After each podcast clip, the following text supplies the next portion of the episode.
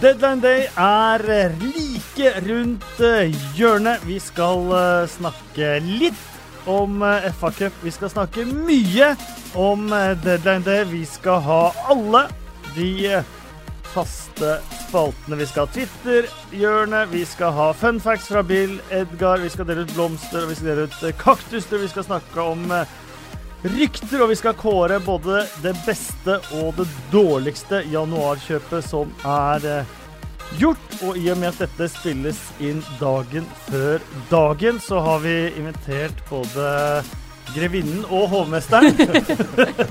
Hovmester Petter Bø Tosterud. Du kan mye, men eh, har din spisskompetanse på Bundesliga. Mm. Eh, er det sånn at eh, alle Bundesliga-rekorder regnes fra 2001, 1991 eller 1975? Mm, Det, altså Tenker du på overgangssummene? Nei, nå tenker jeg på skåringsrekorder, oh, ja. Seiersrekker. det, det, det, det, er, det er ikke noe sånn klart skille sammenlignet med altså sånn som det er i Premier League. Som har rett og slett rekorden fra ligaen starta. Eh, ja, så, så, er Det er en litt, litt, kjempegod idé, faktisk. Man har kanskje rekordene fra det starta, akkurat som at Hamburg har vært det eneste laget som har vært i toppdivisjonen for alltid. Eh, så er det ikke slik at man eh, snakker om eh, overgangssummer i moderne tid og sånne ting. Man, man tar det helt fra starten. Åh, det Det hørtes ut som en eh, 1963, om jeg ikke husker helt feil. fantastisk idé. Mm. Mina Finstad Berg, velkommen tilbake. Takk, takk. Eh, nå skal du faktisk eh, få lov til å skryte litt. Eh, fordi at eh, vi hadde en fantasyliga, og du er jo en fantasy-ekspert. Yes. Hvor du lå helt nesten nede på Lantern Rouge. Og hvor du har klatra imponerende. Ja, det, det var fryktelig tungt en periode der. Heldigvis har Brede Hangeland er liksom veldig god å ha i bånd der hele tida, fordi han har bare ikke peiling. Eh, men nå har det gått, hatt en veldig bra jul og en ganske god start på året. Så nå er jeg litt blidere og litt lettere i skritta eh, når jeg møter bl.a. andre folk i Ekspertligaen eh, til TV 2 som har gjort det bedre enn meg tidligere. Hvem eh, av de nye spillerne, eller hvem av eh, januarkjøpene må kjøpes på Fantasy òg? Eh, Jeg vet ikke om det er noen som må, men jeg syns f.eks. hvis Mkhitaryan kan finne formen igjen i Arsenal, så syns jeg det er veldig veldig spennende. Han har jo blitt ganske billig nå fordi han jo mista plassen sin i United-laget. Eh, men altså, de som så han i Dortmund og i Bundesliga, veit jo hvilket toppnivå han har inne. Hvis han får eh, besøk av gamle lagkamerater i Arsenal også. Altså, han og Aubameyang har jo vært en kanonduo tidligere, så jeg syns han ser veldig spennende ut. Men det gjenstår å se litt hvordan Wenger har tenkt å bruke han.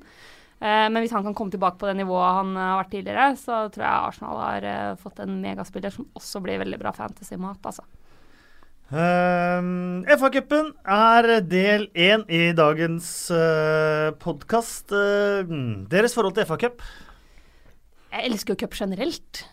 Jo, men det er det der med underdogenes eh, sjanse til å ta noen skalper, og også den sånn Når du ser noe hvor mye det betyr for en del spillere fra lenger ned i divisjonssystemet å få lov til å komme på de store stadionene og få lov til å spille mot de beste av de beste. Det er jo som i Norge òg, ikke sant. Det er jo helt nydelig når man liksom turer rundt til uh, Toten og liksom dalstrøka innafor med eliteserielag, så blir det alltid en sånn folkefeststemning. Ja. Jeg syns det er utrolig moro. Og det som var så kult da når Mina sier det, var at det, det var jo veldig mange av Premier League- League-lagene som stilte veldig sterkt. At vi, vi ser en trend til at det er veldig stas, både med FA-cupen, Lia-cupen og til dels, at uh, de, de, de velger å, å legge alle eggene i kurven og satse ordentlig på dette, her, bortsett kanskje fra Leicester og et par unntak. Men, uh, men det syns jeg var skikkelig kult. Og, det, og det, det handler jo om uh, for disse lagene på et uh, litt lavere nivå. De får møte heltene sine på banen. Da. At, at de ser at søren, altså, en dag så kan kanskje jeg også komme dit. For det er jo en del av dem som ikke har gitt opp drømmen helt ennå, enten man spiller i league 2 eller hvor man enn spiller. Så jeg syns det har vært en fantastisk god reklame for FA-cupen denne helgen her. Harry Kane er en som har eh, erfaring med det. Både spilt i Laton Orient og Millwall eh, nedover han. Eh, vi må begynne eh, med the good, the bad, the ugly. Da begynner vi med det ugly, og det var vel eh, taklingen til eh, Joe Bennett på Leroy Sané og spyttingen til Masuaku eh, på eh, eh, På Nick Nå fikk jeg veldig jernteppe. Men det er han gamle Manchester Nick Powell. Ja. Nick Powell i Wiggen, gamle Manchester United. spilleren. Aller først vil jeg bare, på, bare si at den derre sammenligningen av straffer mellom spytting og takling eh, den syns jeg er litt teit, eh, rett og slett. Eh, selvfølgelig er det bedre å bli spytta på enn å få brekt bein. Mm. Eh, men eh, vi kan være enige om at både å spytte er kvalmt, og taklingen til Bennett var kvalm. Mm. Men at spyttingen kanskje ligger det mer en bevisst handling bak enn når man skal prøve å stoppe en Leroy Sané 100 km i timen som er på vei gjennom. Det er vanskelig å liksom ende opp med å spytte på noen fordi du er litt klønete eller feilberegner eller bare veldig mye dårligere enn motspilleren din. Det er klart at Du kan bli så frustrert fordi du er veldig mye dårligere enn motstanderen din at du gjør det. Eh, på den annen side det er på ingen måte et forsvar av Joe Nei. Bennetts uh, takling, bare så det det er sagt. For den var Men det er jo en større ærekrenkelse da, å få den bevisste handlingen at han spytter han i ansiktet. Men for Leroy Sané da, å eventuelt kunne gå glipp av et VM, Mm. som, er det, som er det største i livet hans som fotballspiller, det er jo selvfølgelig en mye verre handling for hans eh, karriere, da, om denne taklingen skulle være såpass ødeleggende.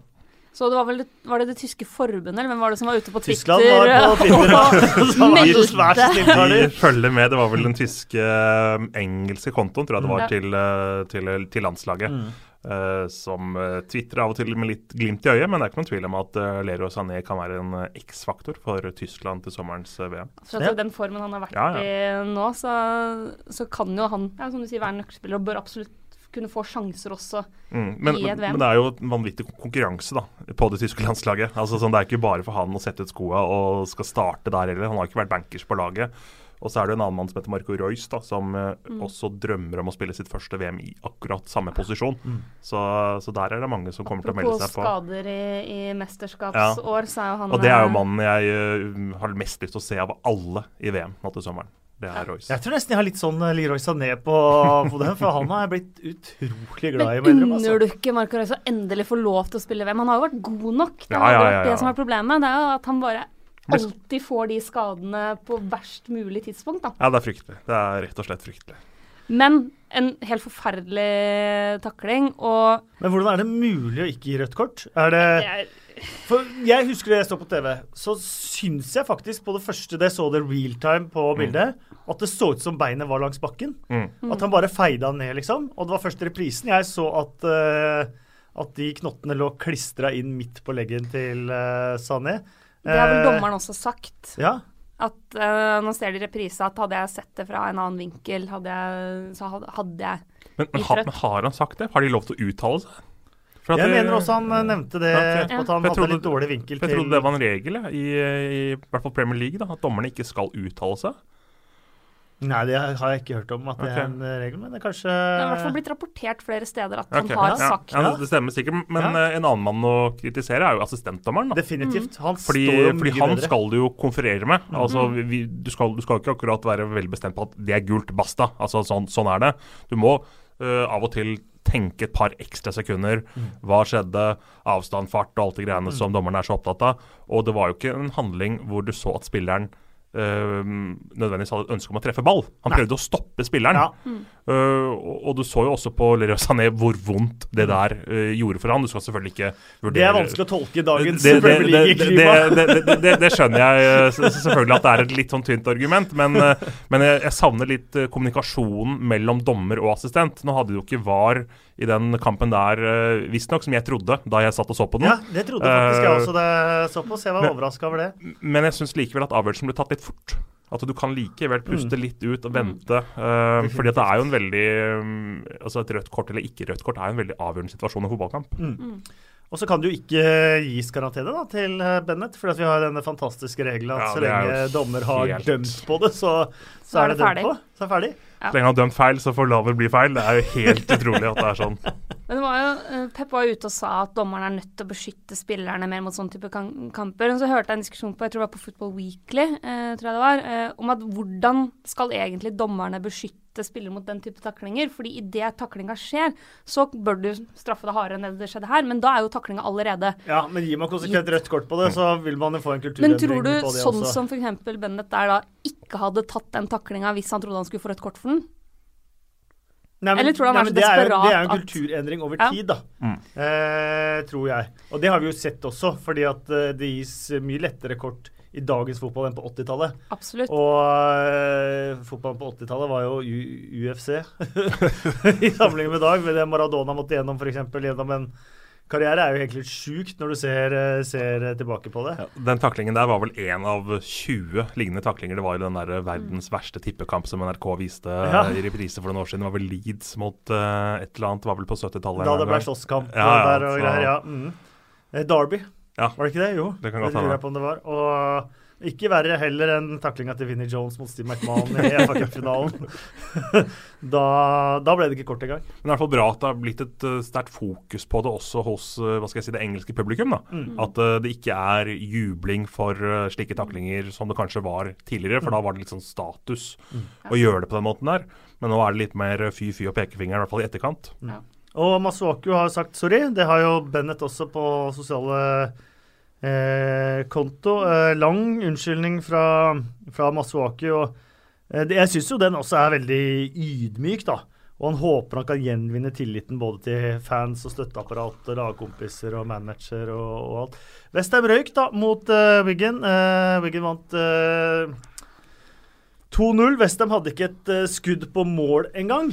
Uh, der det, eh, begynner det å bli dårlig flyt på skadefront og karantenefront og alle de tingene der, altså. altså for deres del var det jo nesten like greit at de, at de ja. røyk med, med, Hvor mange er de ute nå? 10-12-13 mann? Mm. Det er noe, noen vanvittige tall. Og uh, selvfølgelig gøy også for Wiggen, for Wiggen er vel det eneste laget, det vet vel kanskje du Kasper, som har rykket ned samme år som de vant FA-cupen? Uh, ja, det gjorde de i hvert fall. Om det er ja. det eneste, det vet jeg ikke. Ja.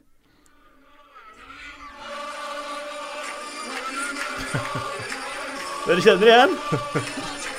Slageren.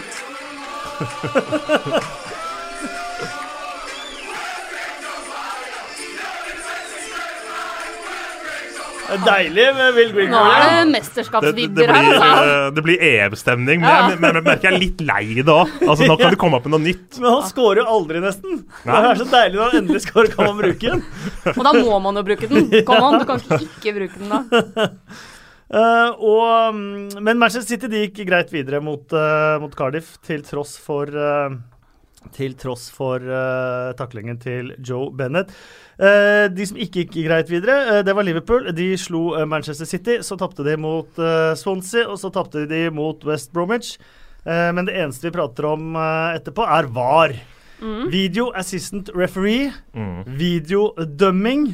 Eh, nå var det jo sånn at VAR skulle gjøre sånn at vi ikke snakket så mye om dommeravgjørelse lenger. Eh, det skulle jo gjøre det at eh, på puben så skulle man snakke om helt andre ting enn eh, dommeravgjørelser og sånt. Og det, nå, er, nå er det tiende gang allerede på denne podkasten at vi prater om VAR, og det prates om VAR overalt. Og det er eh, videodømming opp, og det er videodømming i mente. Og aldri har vi snakka mer om videodømming, og ikke er dømminga noe spesielt mye bedre heller, selv om noen nøkkelsituasjoner eh, blir riktig. Eh, flyten i spillet forsvinner. Mål kan ikke feires før tre minutter etterpå. Eh, man er uenig i avgjørelser selv etter at de har eh, sett på VAR. Eh, eh, kamper mister momentum. kamper mister den naturlige flyten som de har hatt. Kompleksiteten som er i hver eneste kamp. Og dommere slutter å dømme. Og offside-regelen praktiseres ulikt med VAR, fordi du kan annullere et mål eh, hvis det har vært offside, men er det allerede vinket for offside, så kan du ikke la spillet gå videre igjen. Og så sier man eh, at man er vant med dette her fra NHL eller NFL, og jeg lurer på de folka som, har, som sier det. Har de noen gang sett NHL eller NFL? Det er to idretter som har masse naturlige stopp i spillet hele tiden. Som har nye dropper, som har nye igangsettelser av spillet på en helt annen måte. Eh, Dommeravgjørelser, VAR, videodømming tar like lang tid i de idrettene, men der ligger det mer naturlig i spillet. Mm. Fotballen, sånn som VAR praktiseres nå, og sånn som jeg er redd VAR blir, og sånn som jeg i hvert fall er redd når vi blir vant til VAR, blir et helt annet spill som ikke er det samme.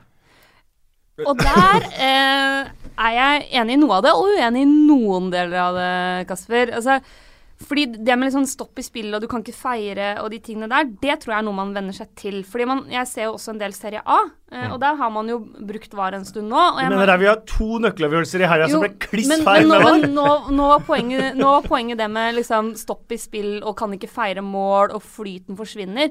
det venner man seg ganske fort til. I hvert fall som, Ja, er ikke det litt som skummelt, da? fotballseer. Nei, men, men altså den intense spenninga også, når du har et mål på overtid, og så venter du på VAR om det er godkjent eller ikke, og får den derre når det målet da blir godkjent, og man sikrer tre poeng versus en uavgjort, det er en like intens spenning og en like intens feiring som å gjøre det idet målet skåres. Selvfølgelig ikke like intens feiring. Spenninga kan jeg være med på til et visst grad.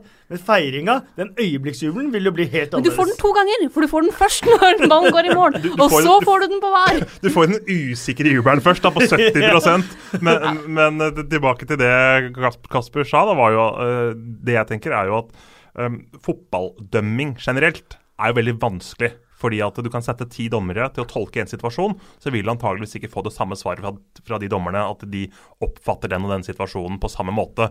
Så du vil ikke få en klar fasit. Sånn som i, um, i andre idretter, altså friidrett, 100 meter. Altså han- en, en som løper 100 meter, han løper på 9,78. Eh, Det, det, kan du, det kan du si på klokka. Og det er måle-inn-teknologi genialt. For det er enten Ja, er inne, eller er ute. Det er enten, det er enten eller. Men, men eh, det, det å bruke VAR er jo også en ferdighet, som, så, så, mange har snakket om i løpet av denne helgen her. Dette er jo noe dommerne må venne seg til. Eh, og det viktigste for meg er, som også du var inne på, Kasper, er at dommerne ikke må bruke dette som en hvilepute. På å tenke at nå slipper jeg å dømme, nå har vi folk i bussen, nå har, vi liksom, nå har jeg hjelp. Nå, nå trenger ikke jeg å jobbe 100 i dag, nå er jeg på, nå er jeg på halv, halv lønn uh, i, i dag. Så, så det er noe av det viktigste for meg, at dommerne må ta ansvar og, og, og bruke det rett og slett i de situasjonene de er ordentlig usikre. Og så er det jo den samme dommeren som da tar avgjørelsen. I hvert fall sånn det fungerer i fungerte Serie A. Mm. Så er det jo fortsatt i de situasjonene som er usikre, så vil det være den dommeren som må ta den avgjørelsen på er det straffe. Ja, det Er er dommeren som er kampleder Ikke fremdeles, mens du har jo innspill. Men får en sjanse til reprise. Men, men det Mark Lattenberg sa i en TV 2-sending, eh, vel, eller om det var en prat med Thorstvedt eh, for en stund siden, var jo at uh, dommerne ser, altså får video fra andre enn den opprinnelige TV-produsenten som vi ser bildene fra. For de skal ha et uavhengig selskap. Og det syns jeg er veldig veldig merkelig. da. Når I Premier League-kamp så er det kanskje 30-40 kameraer da, som eh, filmer en kamp, mens, eh, mens eh, dommerne i videodømminga bruker fem-seks kameraer, kanskje. At de skal ha, en ha dårligere utgangspunkt til å vurdere en situasjon, det syns jeg er veldig veldig merkelig. Og Det har også vært brukt mye i Tyskland denne sesongen, her, som jeg har fulgt godt med på. Det har vært ganske blanda mottagelser der. Jeg så en undersøkelse hvor spillerne anonymt hadde svart på om de var for eller mot videodømming etter fire måneders prøvetid. Og Da svarte 49% av spillerne at de ikke likte det. Men det er, tyskerne er veldig tradisjonsbundet, da, som sikkert selvfølgelig engelskmennene også er i Premier League. Men jeg tror dette her eh, er eh, en god ting for fotball, eh, men at det kommer til å ta tid. Og selvfølgelig, det er ikke noe kult når vi sitter og ser Liverpool West Bromwich i helgen at det tar nærmere fire minutter før vi får en avgjørelse, og at det skyldes på Pardius sa vel at det var noen hamstringstrekker som, som dukket opp i, i kjølvannet av disse situasjonene og sånn. Men, men, men det jeg også savner, er jo dette her med publikum. da. Uh, når du er på stadion, og, og det skjer en situasjon uh, det blåses etter at du har stått og jubla, du har stått med ryggen til banen og klemt på kompisen din, og sånne ting, og så plutselig ser du dommeren blåser et eller annet, så får du ikke informasjon om hva var årsaken til at, uh, at det ble dømt en forseelse. Så kan man si ja, ja, man kan se på dommertegn, man kan se at dommeren øh, løfter armen, obstruksjon, offside og sånne ting, men det er liksom ikke sånne ting du får med deg når du er eh, i den voldsomme jubelen på tribunen. Så en eller annen beskjed til spiker eller et eller annet sånt. Det må komme mer informasjon om hvorfor, hvilken forseelse dømte du på. Så så går Guardiola øh, nå i helgen på denne offside-skåringa, øh, i hvert fall som ble dømt offside, da, med Bernardo Silva og Leroy Sané. Han, han lurte jo også på Ja. Fortell meg, hva, hva, hva, hva dømmer dere på? Så det må komme mer informasjon rundt uh, forseelsene. Jeg er jo da redd, veldig redd for at uh, Og utvikling skjer jo over tid, Uh, og det er jo det skumle. Og jeg, man, man ser, når man ser noen gryende tegn på at dommere slutter å dømme, Mm. assistentdommere holder flagget nede hvis de er usikre, kanskje hvis de er ganske sikre også. Eh, dommere som Men du da skal jo holde flagget nede hvis du er usikker. hvis Det du, er tvil, som- hvis du er i tvil, ja. så skal du det. Men hvis du er eh, mer sikker enn usikker, så skal du løfte det, det flagget. Og hvis du da Dette her er grenser som flyttes smått og smått og smått til vi har dommere som da til slutt ikke dømmer ordentlig. Eh, og vi vil få et, ende opp med et annet eh, spill. Nå er jo den eh, var eh, utgangspunktet til, eh, til, til engelskmennene, syns jeg har vært bra. selv om det har blitt praktisert må si litt feil. For det skal jo bare tas ved mål, ikke mål, offside, ikke offside. Også ved Straffe. helt soleklar ved, ved straffe, også rødt kort. Eh, men når du begynner allerede nå også tøye de grensene som dommer, da, eh, så syns jeg også det er et skummelt tegn med tanke på hvor VAR allerede er på vei. Og det er jeg enig med deg i. da, Kasper. Altså, jeg er generelt positiv til VAR, fordi jeg er for at fotballkamper faktisk avgjøres av sånn spillerne og de reglene man har satt. Og jeg syns det er altså, Jeg ønsker at så få fotballkamper som mulig skal bli avgjort på feildømming. Det er det samme med mållinjeteknologi. Altså, er det straffe, er det ikke straffe? De tingene der. Og Men det vil jo uansett ikke få Målet til VAR er jo ikke å få det 100% rett. Og, og det er oppsiktsvekkende hvor god dømming som er allerede. 96% Ja, men 96% av alle øvelser er rett. Og målet til videodømming er å få det opp til 98. Det er ikke å få det til 100, liksom. Og det vil alltid være en del Så er det verdt det for de to siste prosentene? Er det verdt all den dritten her? Men f.eks. alt det pratet som veldig veldig mange mindre klubber i alle ligaer føler at eh, de f.eks. får færre straffer enn storlagene og blir, får flere straffer dømt mot seg enn storlagene. Dette er jo en ting som går i, i egentlig alle ligaer, at man føler at dommerne favoriserer de største lagene. Og sånne type ting vil man kanskje kunne jevne litt ut fordi man kan se på straffesituasjonene. Og så vil man aldri kunne få 100% riktig, men man vil få en større andel riktig, og man vil få på en del av de tingene som er viktigst i en kamp. altså er det mål, er det ikke mål? Er det straffe, er det ikke straffe? Og røde kort, som jo kan endre en kamper. Men jeg er enig med deg i en bekymring rundt det med offside. Fordi det problemet med at man jo kun kan bruke VAR for å se om det om at målet skal annulleres for offside, mens har man blåst offside, så har man jo avbrutt angrepet. Så da hjelper det jo ikke å gå tilbake og si at liksom Nei, det var ikke offside, det, vi tar en dropp her på kanten, hvor du egentlig var i en kjempegod posisjon aleine gjennom å skulle slå til spissen. Stå der, liksom. stå sånn. Eh, og, det, og det er en utfordring med det. Eh, og der kan jeg være enig i at man kan få en situasjon f.eks. dommere og linjemenn markerer mindre på offside fordi de vet at hvis de først blåser, så kan de ikke gjøre det om. Mm. Men hvis de overser en offside, så kan de gå og sjekke det etterpå. Ja, Så den, den bekymringa deler jeg. Offsiden er den vanskeligste, Ja. den, den er jeg helt enig med. Men jeg er ikke helt enig med at jeg tror ikke at eh, de mindre klubbene nødvendigvis vil få oftere straffespark. Nei, det mener ikke jeg heller, Eh, men den diskusjonen rundt det som alltid har gått Ja, ja men, men altså, hvis- en dommer er i tvil, om han er på Old Trafford eller på Anfield eller eh, hvor den eh, dommeren er, og, og ser en straffesituasjon hvor eh, den antatt minste klubben da, eh, kanskje kan få straffe, eh, så tror jeg ikke dommeren med VAR føler mer press på at nå må jeg sjekke situasjonen. Jeg tror det ligger litt sånn i underbevisstheten at eh, det er safest å bare la den gå. Så det, det, det tror jeg er litt sånn menneskelig. Det var Det var, var en varse. Det er en varse. Prompom. Uh, Newport uh, var litt uh, den nydeligste historien i, i eh, helgen. 1-1 hjemme mot eh, Tottenham, leda lenge 1-0. Eh, tjener da visstnok totalt nå med omkampen på Wembley 1,7 millioner pund. Enorme penger for en klubb som er i, har vært i veldig økonomisk eh, trøbbel. Um, de skal bruke også til å bygge infrastruktur og det ene med det andre. Men det er en drøm for en klubb da som eh, Newport å få komme til Wembley og spille omkamp. Og tenk for de spillerne, da er vi inne på det jeg snakka om i stad, hvor dette sannsynligvis for mange av dem er det definitive karrierehøydepunktet. eh, som de kan sitte og fortelle barnebarna sine om. Da jeg, da jeg spilte mot Harry Kane. Ikke sant? Da jeg spilte mot uh, Ja, og nettopp de, Derfor så var det så kult at Kane spilte da, Ja. og at Deli Alli spilte. Ja. Og det var også spillere som elska å spille den kampen. Altså, du bare, det bare lyser den fan, hvor fantastisk de spillerne syns det er å få lov til å være med i den kampen her. Og det syns jeg er magisk når man får sånne øyeblikk. Og de spilte en veldig god kamp på uh, Newport. De hadde en kjempesjanse allerede etter tre minutter, hvor de ikke kunne gått opp til, opp til 1-0. Og så, så holdt de jo ikke helt inn uh, til slutt, da, med tanke på seieren, da Kane dukka på denne dødballen. Men for dem så er det jo nesten enda bedre å få omkamp, med tanke på økonomien og egentlig en ny, uh, herlig opplevelse. Og han nekta å være med på det, Flynn. Nei, eh, men seieren, jeg tror nok han syntes det var helt OK at det ble omkamp. Og, Eh, ja, det er en gressmatte mange av disse spillerne til Tottenham aldri har vært uh, borti før, tror jeg. I hvert fall ikke de som kommer opp gjennom økonomiet. Kyle Walker Peters og sånn har antakeligvis bare spilt på biljardmatter. Mens Harry Kane har vært i Laton Orient og Millwall og vært inne der. Men jeg vet ikke om dere så dette her, at flere uh, aviser hadde hadde taktikknotatene til manager Flynn etter match.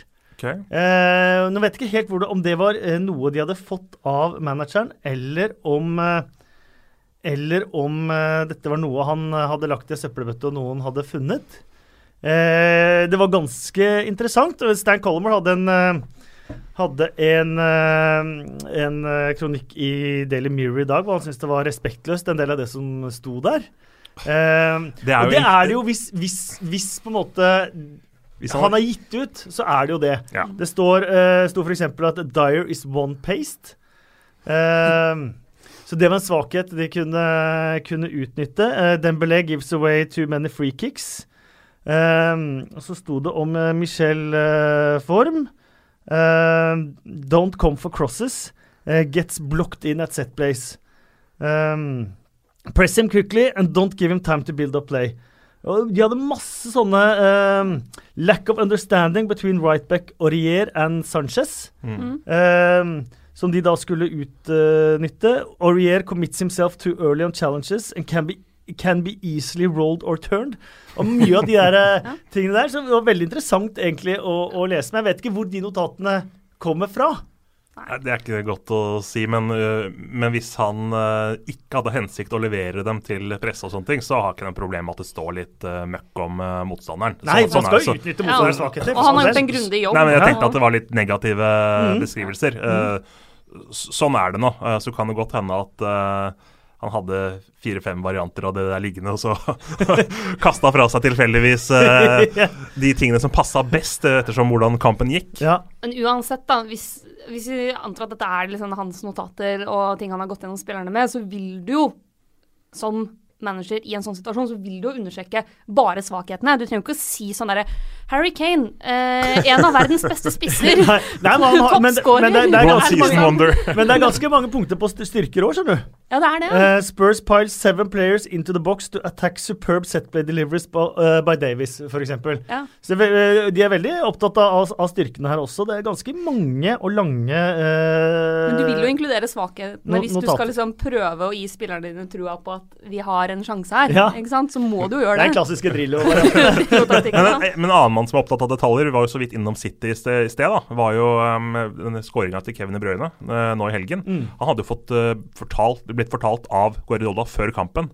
Muren til uh, Cardiff, den hopper. Mm. mm. Skyt under. Og der ser du de små detaljene som kan avgjøre en fotballkamp. Da. Så Det er også en liten nydelig detalj som, uh, som viser også en topp manager da, som ikke slurver med forarbeidet foran en eh, Definitivt. Uh, Coutinho gjorde jo det samme. Mm. og da ga jo Klopp æren til keepertreneren sin. At det var keepertreneren som har sagt fra til Coutinho at, mm. at muren, muren hopper. Skulle, eh, skulle hatt uh, Mjøndalens Christian Høvring liggende bak muren der.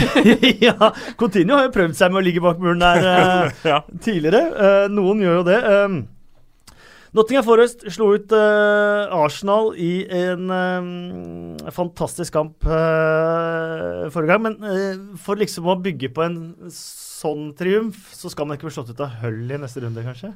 Det er dølt, passe dølt, altså. ja, det er det. Nei, det blir liksom ikke den uh, voldsomme voldsomme oppturen i FA-cupen da, når du får høll i neste runde og skli på den. Coventry videre igjen. En mm. fantastisk uh, historie med tanke på hva de har vært uh, gjennom. for de som ikke har fått med seg det, så de, fikk jo de eiere som på en måte tok alt ut av klubben. De fikk jo ikke til og med lov til å spille på sin egen arena i flere sesonger. De spilte jo opp i Northampton. Um, og de veldig få uh, på hjemmekampen til Coventry, for de ikke har lyst til å gi penger disse eierne, men en uh, fantastisk bortefølge. Ja, det var vel 8000 nå? Ja. Kan det stemme? ja, det kan stemme. Det var helt vanvittig. ja, de syns det er bedre å være på borte enn hjemmekamp.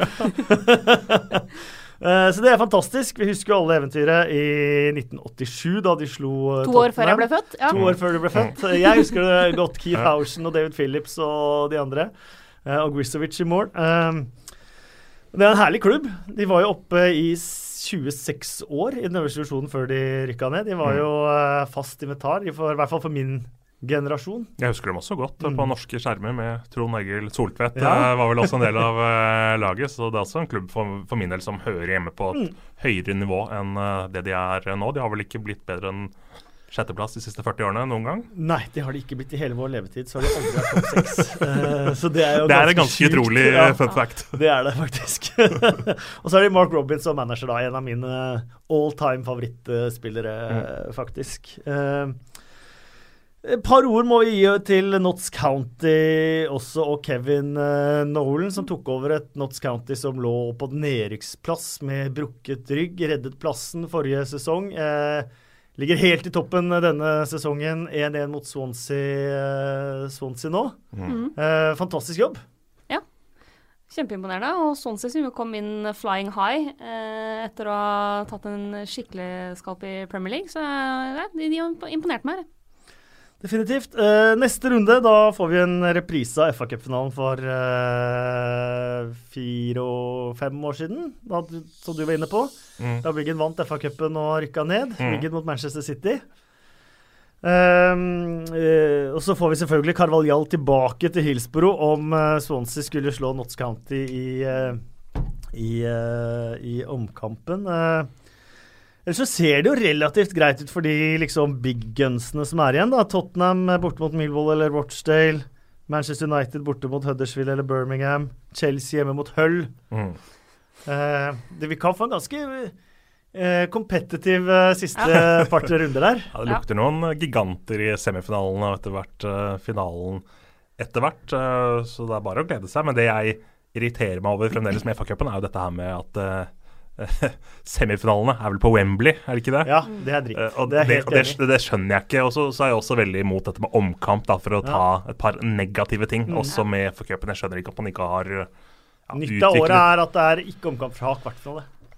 Ja, men likevel, da. Jeg skjønner ikke helt Vi har jo et eh, system med ekstraomganger og straffekonk som kan brukes, på en måte. Ja, ja, ikke sant. Eh, selvfølgelig veldig kult for, eh, for de små lagene som Newport og, og sånne ting, men når man snakker om belastningen, antall kamper, klager over antall landskamper og alt mulig rart, så er det litt rart at man ikke kan kutte ned på akkurat det der. Ja, For meg så virker det som det er noen som prøver å presse fram noen avgjørelser med dette her. Mm. Eh, FA-cupen har eh, blitt mer og mer nedprioritert. Nå har den fått et oppsving igjen. Mm. Men likevel, så lenge man fortsetter med omkampgreiene sånn, så virker det som bare vi gjør dette her helt til dere blir så lei at dere bare driter i det.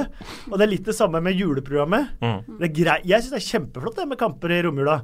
Og kanskje gjerne to kamper sånn fordelt på et par ekstra dager. Men når du skal ha en tredje kamp på første nyttårsdag der i tillegg, Mm. så virker det som også bare sånn Vi gjør dette for at det skal bli såpass kjipt at det blir vinterpause.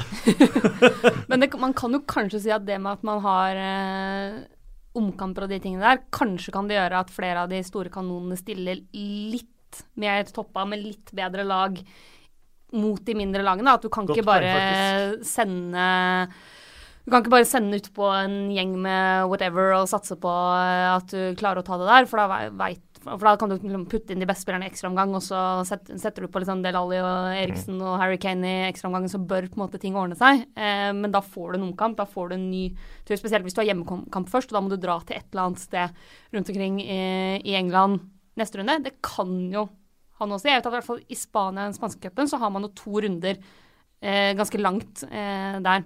Det er i hvert fall kjipt. Ja. Ja, og da ser Barcelona man Hospitalet sånn Hospitalet 8-0. ja, ikke sant? Men da ser man jo at Barcelona, det Barcelona da gjerne laget de sender den første kampen, er jo gjerne mye juniorspillere og spillere som aldri har spilt inn ellers. sant? For de veit at de har en hjemmekamp på kamp nå i neste runde, og så går det fint. Ja. Og da kan de stille toppa.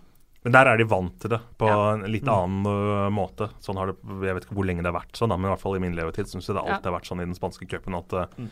det gidder jeg nesten ikke se på før vi er i kvartfinalene. Og det er litt synd, da. Jeg syns det er litt viktig at uh, vi som er relativt fotballinteresserte, skal bry oss om uh, Newport-Tottenham. da. Eh, fordi at vi vet at i kveld blir det avgjort.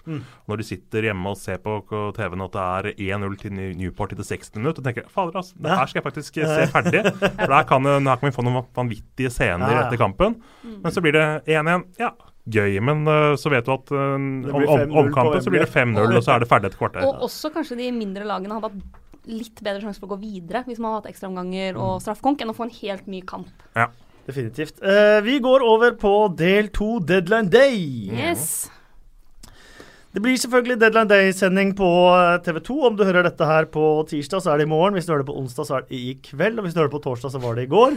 uh, men uh, TV 2 Sportskanalen uh, på Facebook, på tv2.no, så kjører vi sending hele veien. Du kommer du, Mina? Ja, gleder meg masse.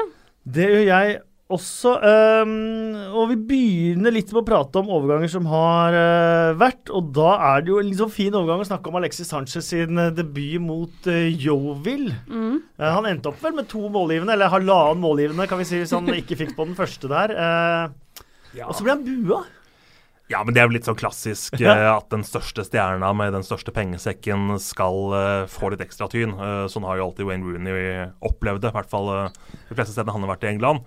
Uh, og så er det vel også det at det har vært uh, hvert fall opp, blitt oppfattet som at han har sutra mye. da, Og det er jo ikke engelskmennene spesielt uh, begeistra for. Men skal vi se på den sportslige prestasjonen hans i kampen nå sist, så startet han jo egentlig litt sånn rufsete. Mm. Slo noen tversoverpasninger som ikke fant helt uh, adressen. og det lugga litt, men det er selvfølgelig en vanskelig bane. Lite relasjoner å hente hos de han spilte med. Det var jo et United-lag som var uh, ganske B-prega, med Carrick og, og, flere andre aksjon, varianter. Men selvfølgelig veldig gledelig ja. å se han, eh, se han, i aksjon, men, men, det er jo ikke noe man gjør jo ikke han noe tjeneste ved at han må spille sammen med mange som er litt rustne mm. på en vanskelig bane, og du møter en motstander som er ekstremt gira, alle i garderoben til eh, motstanderlaget tenker at åh, jeg skal ta taklingen på Alexis Sanchez. åh, jeg skal prøve på tunnelen på han. åh, jeg skal dytte han i gjørma.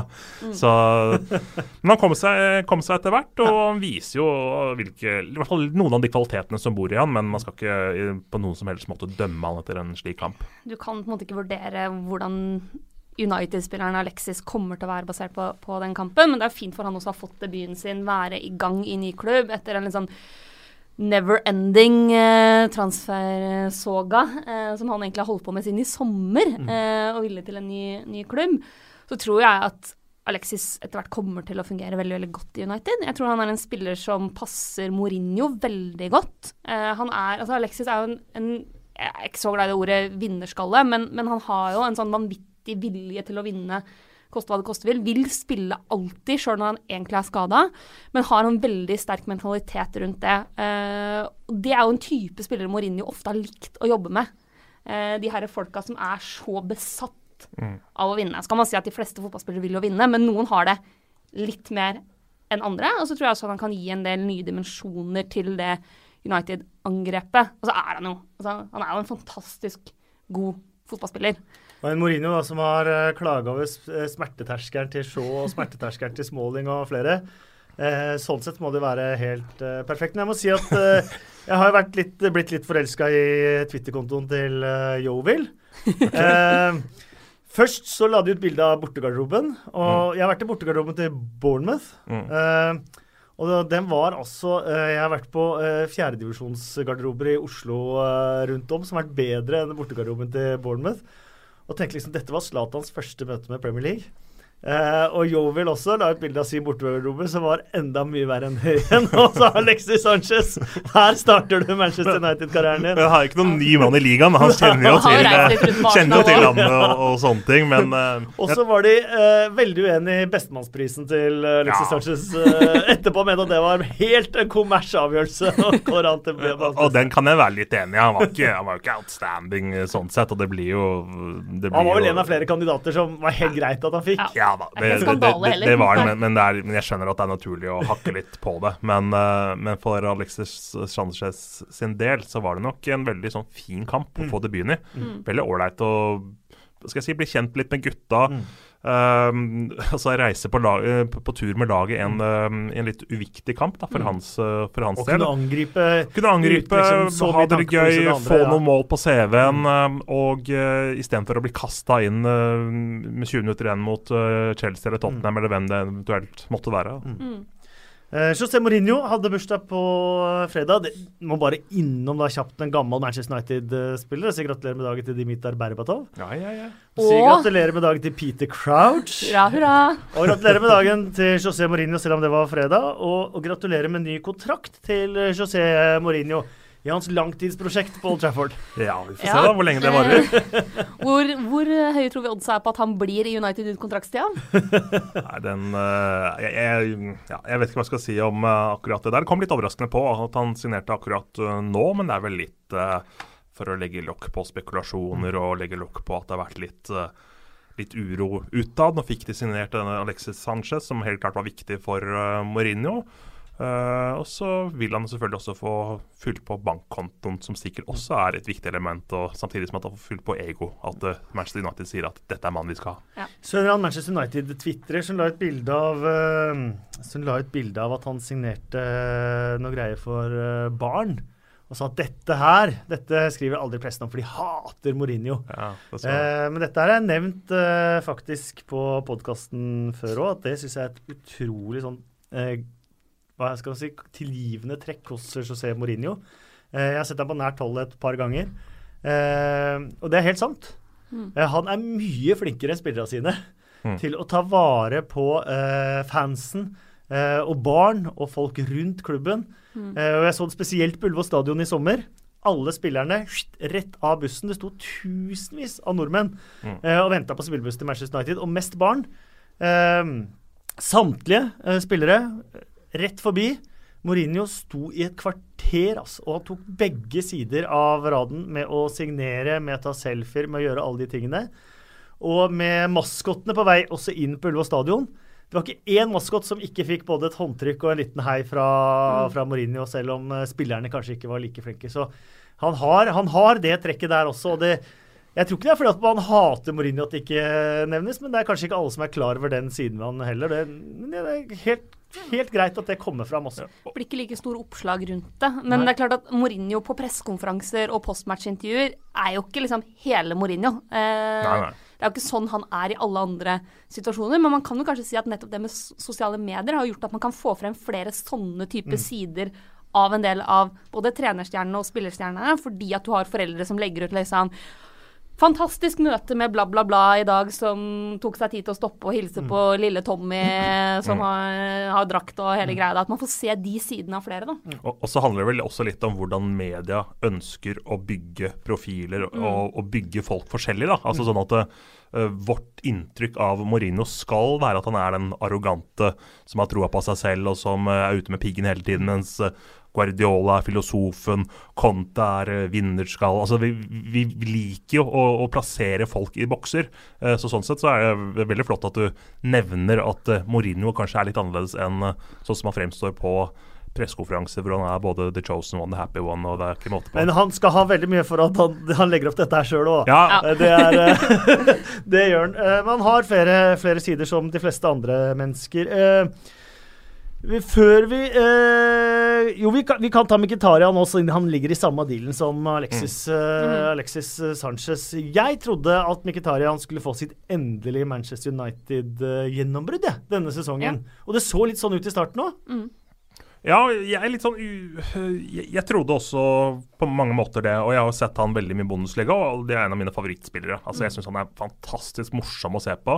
Spesielt når uh, han får satt i gang kontringer. Han får rettvendt seg, bare satt tempo mot Forsvaret. Ja, fra egen så, så, er det, til motsatt så, så er det nesten ingen som kan gjøre bedre valg enn han når det går fort. Uh, så, så jeg stussa litt over at ting stoppa såpass uh, opp nå i høst. Og så er jeg litt sånn Har Mourinho vært uh, for utålmodig? Har Mourinho gjort nok for å få det beste ut av ham?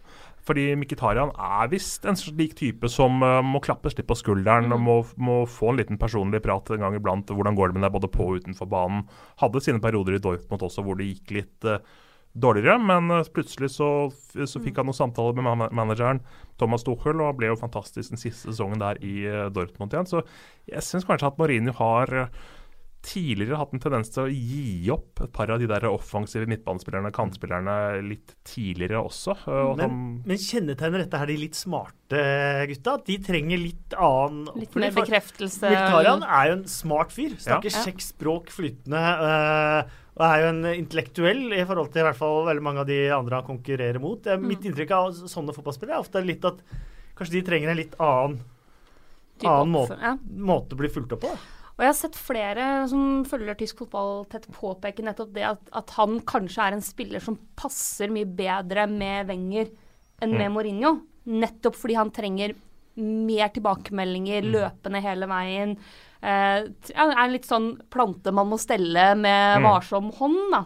At det kanskje ikke funker så godt med, med Mourinho. Sånn at sånn altså jeg, jeg har sett flere ganske troverdige analyser på det. At sånn personlighetsmessig at Alexis passer Mourinho mye bedre enn Wenger, og Mkhitaryan passer eh, Wenger mye bedre enn Mourinho.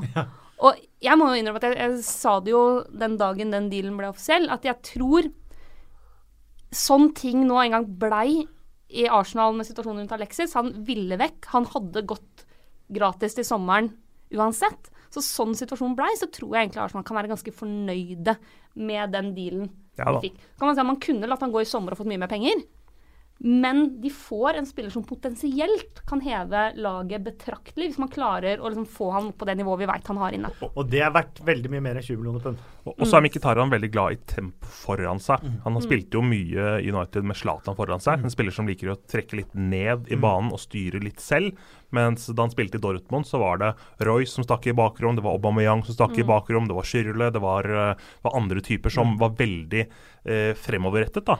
Eh, og sånn sett å få han til Arsenal med Pierre-Emerick Aubameyang, som han kjenner veldig godt eh, fra før, det er en duo det kan lukte virkelig krutt av. Ja, for det er neste vi skal til nå. For nå tenker jeg nå, nå er det et par Arsenal-spillere som sitter med litt sånn der De må bare tørke litt sånn slev rundt uh, munnviken. Aubameyang uh, Nå er ikke det bekreftet ennå, men Nei. han og Mkhitaryan eh, gjenforent i, eh, i eh, Arsenal. Hva, hva får de da? Nei, De får jo en fantastisk målskårer, da, rett og slett. Men det jeg er litt sånn uh, spent på, er jo dette her med Lacassette. da. Altså, de brukte jo enormt mye penger på han også. Og uh, Aubameyang er jo en uh, Har jo litt likheter med Lacassette. Han er vel enda hurtigere, enda mer spenstig og er liksom litt bedre på alt, da, etter min, etter min mening. Og har kanskje ikke sin store styrke være feilvendt og har mangel, litt mangler der, da.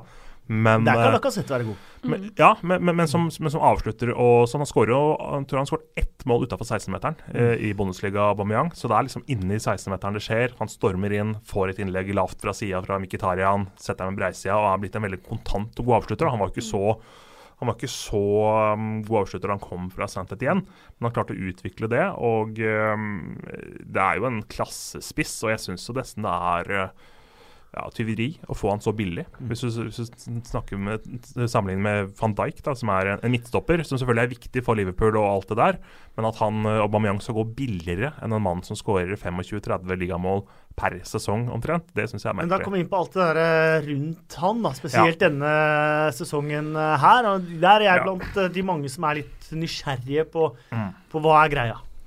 Det har vært mye.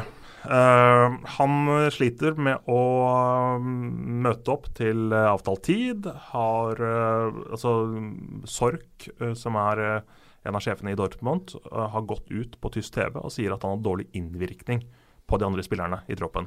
Og sa at han hadde dårlig innvirkning på Dembélé da han var i, i Dortmund. Og det er jo en mann som øh, ja, kanskje ikke får øh, løfta stemningen i garderoben, kanskje ikke får løfta samholdet. Så han har jo vært en liten verkebyll for Dortmund utenfor banen de siste sesongene. Og han har jo alltid vært veldig klar på at en dag skal han selges, og Dortmund har sagt OK, det skal vi få til. Eh, og nå var det jo nå i vinter at det var tredje gang han ble utelatt fra en eh, kamptropp. Og grunnen til det nå var jo fordi at han ikke hadde De hadde hatt en trening dagen før kamp, og etter treninga skulle de ha et møte for å dyrke samholdet i laget. Og så møter ikke han opp til det etter treninga. Det er sånn what, liksom?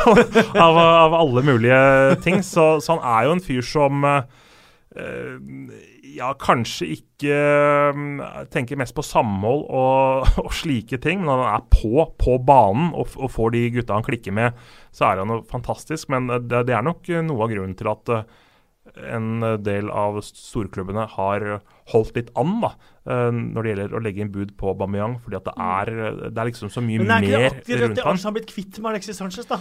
Jo, men, jo, så de får, de får samme opplegget nå. Ja. Eh, De får han som går med holdt på å si, gullsko og skal være den største stjerna og alt det der og der. Han, han, han. Eh, men, eh, men, men det er litt sånn det er med et par av de aller største stjernene. Og eh, Arsenal må kanskje svelge noen kameler for å få dette her til å bli en uh, suksess. Man må kanskje behandle han litt annerledes. Det er jo som Myggen sa, det mest urettferdige du kan gjøre, er å behandle alle likt. Mm. Så, så, hvis man kan uh, få til en god miks der uten at det går utover kollektivet og de andre i spillergruppa, at han får særbehandling, så, så kan dette bli en kjempesuksess. Og mens jeg har det her, uh, så må vi ha to ord om det som da nå har blitt den nye sjefsspeideren, eller mm. sportsdirektør i, i Arsenal, som flytter mye av transferpolitikken vekk fra Wenger mm. til klubben. Eh, eh, som også er henta fra Dortmund, Sven Mislintat. Ja. Det er en mann som har fått veldig mye æren for uh, alle disse talentene Dortmund har uh, henta. De har jo et veldig godt uh, nettverk uh, i tillegg til han også, men han som har vært uh, sjefsspeideren, da. Og bl.a. vært i sentrale og hentet Dembélé og Aubameyang og flere andre. Om dette her er det som vil gjøre at Arsenal vil bli like ledende når det gjelder det å finne disse talentene. Det er jeg litt usikker på, fordi Dortmund har jo hatt en liten edge eh, mot andre i markedet på at eh, de henter de unge talentene. Det var veldig mange som ble overrasket over at Dortmund klarte å få Dembélé i kamp mm. med 15-20 andre klubber. Mm. Men Dortmund har jo alltid sagt at er du god her, så skal vi ha butikk på deg. Så skal du få muligheten et annet mm. sted. Og det har de vist uh, gang på gang. altså med det er ikke alle de har vært like happy med at det har gått, sånn som Lewandowski og andre eksempler. Eh, så om, om, eh, Arsenal får den samme edgen der, det er jeg usikker på. Men helt klart en veldig flink eh, person. Men det handler vel også veldig mye om å få til et slags en struktur, et apparat. Det er ikke én person, det er jo 20-30 mm. kanskje som jobber med kartlegging og, og alt det der. Og så, så, var det jo litt dårlig stemning mellom Sven Mislintat og Thomas Tuchel i Dortmund i fjor. Fordi Thomas Tuchel, som trente Dortmund i fjor, han mente jo at uh, Mislintat var veldig sånn ustrukturert. At han var litt sånn Kom litt sånn uh, uflidd på treningene, sto og røyka og var litt sånn slapp i stilen. da. Mens uh, Thomas Tuchel ville ha litt mer disiplin og struktur på ting og sånn. Så han er jo visst en litt sånn egen type, han uh, Mislintat uh, også. Men uh, nå har, jo, nå har, jo, Arsenal hva skal jeg si, ikke vært så dyktige på overgangsmarkedet som de kanskje var tidlig Wenger-tid, da, da de var flinke til å hente unge franske talenter og sånt. Så kanskje er det noe nytt på gang. Mm. Uh, en som er returnert til uh, Premier League. Uh, han begynner å bli en ordentlig journeyman. Gerard Deolofeo mm. til Watford. Det var overraskende i starten av sesongen her hvor plutselig Deolofeo var fast nesten på, på Barcelona. Tja nå, nå, er det klart at Delofeu har fått litt At han kom fra benken til Watford og plutselig starta masse kamper som på, for, for Barcelona, var jo Han kom fra Milan til Barcelona. Ja, han var jo Watford Nei, Everton, Everton før det. Milan, ja. Barcelona. Mm. ja. Uh, og, var, og, var, god i Milan. Ja. Men det er klart han var god i Milan i en sesong hvor veldig mange Milan-spillere var ganske dårlige. Uh, sånn at da skal det ikke så mye til å bli lyspunktet, på en måte. Uh, og så har han jo fått litt spilletid i Barcelona. Det har jo først og fremst handla om en del skader mm. i Barcelona. Det at Dembélé ble skada såpass tidlig og var ute såpass lenge at man hadde egentlig et hull i den trioen på topp, da. Uh, hvor man kunne bruke litt ulike typer spillere. Man kunne bruke Paco, man kunne bruke André Gomez, man kunne bruke liksom litt forskjellig, og blant annet Delofeo. Uh, og Delofeo er jo en spiller som altså, Han har jo alltid hatt veldig mye potensial. Nå begynner han å bli litt for gammel til å kunne på måte, leve på det potensialet. Men han er jo på 23, da. Jo, men, men, du ser det i han at han, han, har jo fart, det er det ingen mm. tvil om. Han har fart, han er, er god med ball i beina, uh, han kan skape mye. Uh, det jeg syns er kanskje en av hans største svakheter, er at han tar ganske mye dårlige avgjørelser. Uh, jeg syns han ofte Det ser lovende ut, og så går han seg fast. Og, og, mangler litt sluttprodukt også, i hvert fall har gjort det i Barcelona så langt. Eh, og der også var det tidligere litt sånn holdningsgreier som var han, en av grunnene til at han dro fra Barcelona i utgangspunktet. At han mente nok at han burde spille mye mer enn det trenerapparatet til Barcelona mente at han burde. Eh, så han er en spiller som hvis han liksom er i form, så er det klart at han kan, kan skape mye uro for mange forsvar i Premier League. Men jeg er fortsatt litt usikker på hvor god han egentlig kan bli, da. Ja, Sommeren for to og et halvt år siden da så jeg en del Everton treningskamper hvor han var helt magisk. Mm. Da tenkte jeg dette er sesongen til Deolofeo. Mm. Eh, det ble det ikke. Eh, Daniel Sturridge eh, til West Bromwich. det er ikke så lenge siden det hadde vært noe man lo veldig høyt av. Mm. Der har du, det er sånn, Vi snakka om fantasy i stad og nye signeringer. Altså Hvis, men det er et veldig stort hvis, Sturridge holder seg skadefri, mm eh, så kan jo han virkelig være en, en bra mann både på fantasy og for West Brom. Vi veit jo hva slags egenskaper Sturridge har som målskårer. Den ene sesongen med han og Suárez i Liverpool, så var han jo helt fantastisk. Men problemet er at han, han får jo veldig, veldig sjelden kontinuitet i spillet sitt, fordi han er så skadeplaga. Og så er det ikke han som også er litt sånn der overtroisk skadeplaga og føler veldig, veldig fort småskader og sånne ting. Så det er jo flere som har nevnt at liksom, han kommer til å skade seg på annenhver trening i West Brom. fordi når han skal liksom Han har treningsmatcher mot de gutta i forsvaret der, så kan det jo fort uh, ryke noen uh, Ja, det blir mye føling i lår og ankler og alt som er. Jeg syns den overgang virker ganske spennende. Ja. Veldig. Uh, ja, hvis han holder seg skadefri. Ja, uh, med tanke på at det vil sannsynligvis være mer bakrom å jobbe i. Uh, for et lag som ligger såpass eh, dypt og blir pressa så mye mm. bak i banen at det kanskje for hans del kan være en fordel at det er litt lenger fram til mål. Mm. Uh, og Jay Rodriguez ser ut som å være litt på gang. Ja, det var voldsomt nå i helgen. Det er litt mm. samme, samme tanke jeg har rundt uh, Theo Walcott til, uh, til Everton. Mm. At, han, at, han, kan få litt mer rom å jobbe i, rett og slett. Så, så, jeg gir faktisk en svak tommel opp til begge de to overgangene der. Altså. Mm. du har kaffe for øvrig? Nei, jeg klarer meg med farsen. Brighton har kjøpt seg et par angripere. Ja. Eh, blant annet lånt av Ujoa. Ja. Eh, og så Lokadia ja.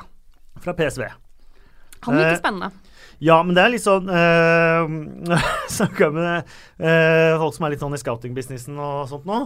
Vi ser at når du henter spisser fra Nederland, så trekker du av 10-15 mål. Eh, hvis du skal hente dem til England. Afonso Alves. ja.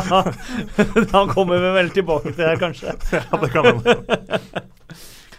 uh, Men de trengte det. Ja, absolutt. Glenn Murray ble jo arrestert sammen med kona si. Ja. Eh, Henta hjemme i huset sitt på morgenen for skattesnusk. Mm. Eh, tiltalen står, men de slapp jo ut igjen, da. Såpass. men jeg må innrømme at jeg gleder meg litt til å se liksom Uloa spille igjen, jeg. Ja. Mm. Eller jeg får huske på om det er Uloa, Ujoa eller Ujoa, for det kommer sånn på hvor i Argentina han er fra. Ja. Uh, men, men, uh, jeg syns det blir et liksom, gledelig gjensyn. Jeg hadde litt sansen for han i den uh, gullsesongen til, til Lester. Han faktisk eh, klarte å utlese eh, jordskjelv. eh, det er ikke tull engang. Det er sånn universitet i Lester med en geologiavdeling. Eh, og de målte seismisk aktivitet da han skåra 1-0 mot Norwich helt på slutten. Eh, sånn 0,3 på Richters eller et eller annet. Det høres ut som en sånn. statistikk der man liksom ønsket å finne det. Ja. Du finner jordskjelv her, gjør du ikke det? Gjør du ikke det? Jo. en eller annen radiostasjon som har ringt dagen etterkant. ja. Um, det sies i hvert fall det, da. Um, ja. Men vi har jo ting som skal uh, skje. Vi tar en overgang som også har uh, vært som jeg uh, personlig liker. Nå ble det jo en fryktelig debut da for Martin Samuelsen i Burton. Ja. lånte ut Der tapte 0-6 mot Fulham. Jeg ble bytta ut kvarter før slutt. Men Burton er bare ett poeng fra sikker plass. de har et veldig solid fundament. Mm. Eh, det er en bitte, bitte, bitte liten klubb, eh, skal vi ikke glemme. Stadion tar 5000-6000, og de overpresterer hver eneste sesong med Nigel Clough som, eh, som, manager. Men de har gjort det vanskelig for mange lag. Mm. mm. Eh, og kanskje også en type som de trenger som har litt uh, flair. Og det har jo Martin Samuelsen hatt dagen. Ja, han, er, han, kan gjøre mye gøy med ball når han er i humør. Og det er jo sånn man fort vekk blir publikums favoritt også. Mm. Uh, jeg, er spent, jeg, er litt spent på den videre utviklinga til Martin Samuelsen, for det så veldig veldig lovende ut for litt siden. Og så har han kanskje fada litt mer ut, i hvert fall fada litt av radaren hos mm. mange. Så jeg er veldig spent på om han liksom kommer til å ta nye steg, da. Framover nå. Uh, for det, det jo, han har jo tidligere sett ut som en spiller som kunne være spennende for det norske landslaget. Mm. Sånne ting. Nå er han jo helt ute av den diskusjonen. Så han trenger jo en klubb med ja, hvor han får spilletid, hvor han har muligheten til å utvikle seg. Mm. Og mange spillere i championship har stein i skoa i forhold til, uh, mm. til Martin Samuelsen. Det er det ikke tvil om uansett. Uh, og apropos nordmenn, Alexander Sørloth og Crystal Palace, da! Ja. Å, at de har så det budet! Jeg håper det kommer et nytt et. Nei, Jeg skjønte lite da jeg leste at de hadde avslått, men sannsynligvis så sitter jo da klubben på mye mer informasjon enn oss, siden, siden de har eh, is i magen og tør å avslå. Han har jo vært fantastisk i dansk fotball, Alexander mm. Ja, men det er likevel veldig mye penger for en dansk klubb. Mm. Uh, å kunne si nei, de pengene vil vi ikke ha. Vi vil ha Alexander Sørloth isteden. Men det er jo samme konglomerat, han er sagt samme mann eh, og samme system som eier Midtjylland og Brentford. Ja. Uh, som har et, og det er en tysk klubb også er involvert, er det det? Eller er det Ja, husker, bare de to? husker ikke. Ja. eh, ikke jeg heller. Eh, eh, så det er litt flytende penger, og veldig sånn politikk på De kjører veldig det moneyball-prinsippet, Mm. da. Eh, men det hadde jo Han hadde jo passa veldig godt i Palace òg, tenker jeg. Ja, eh, det har vært kjempegøy. Og det er jo ikke overraskende om Palace er ute etter litt forsterkninger eh, som kan bidra offensivt.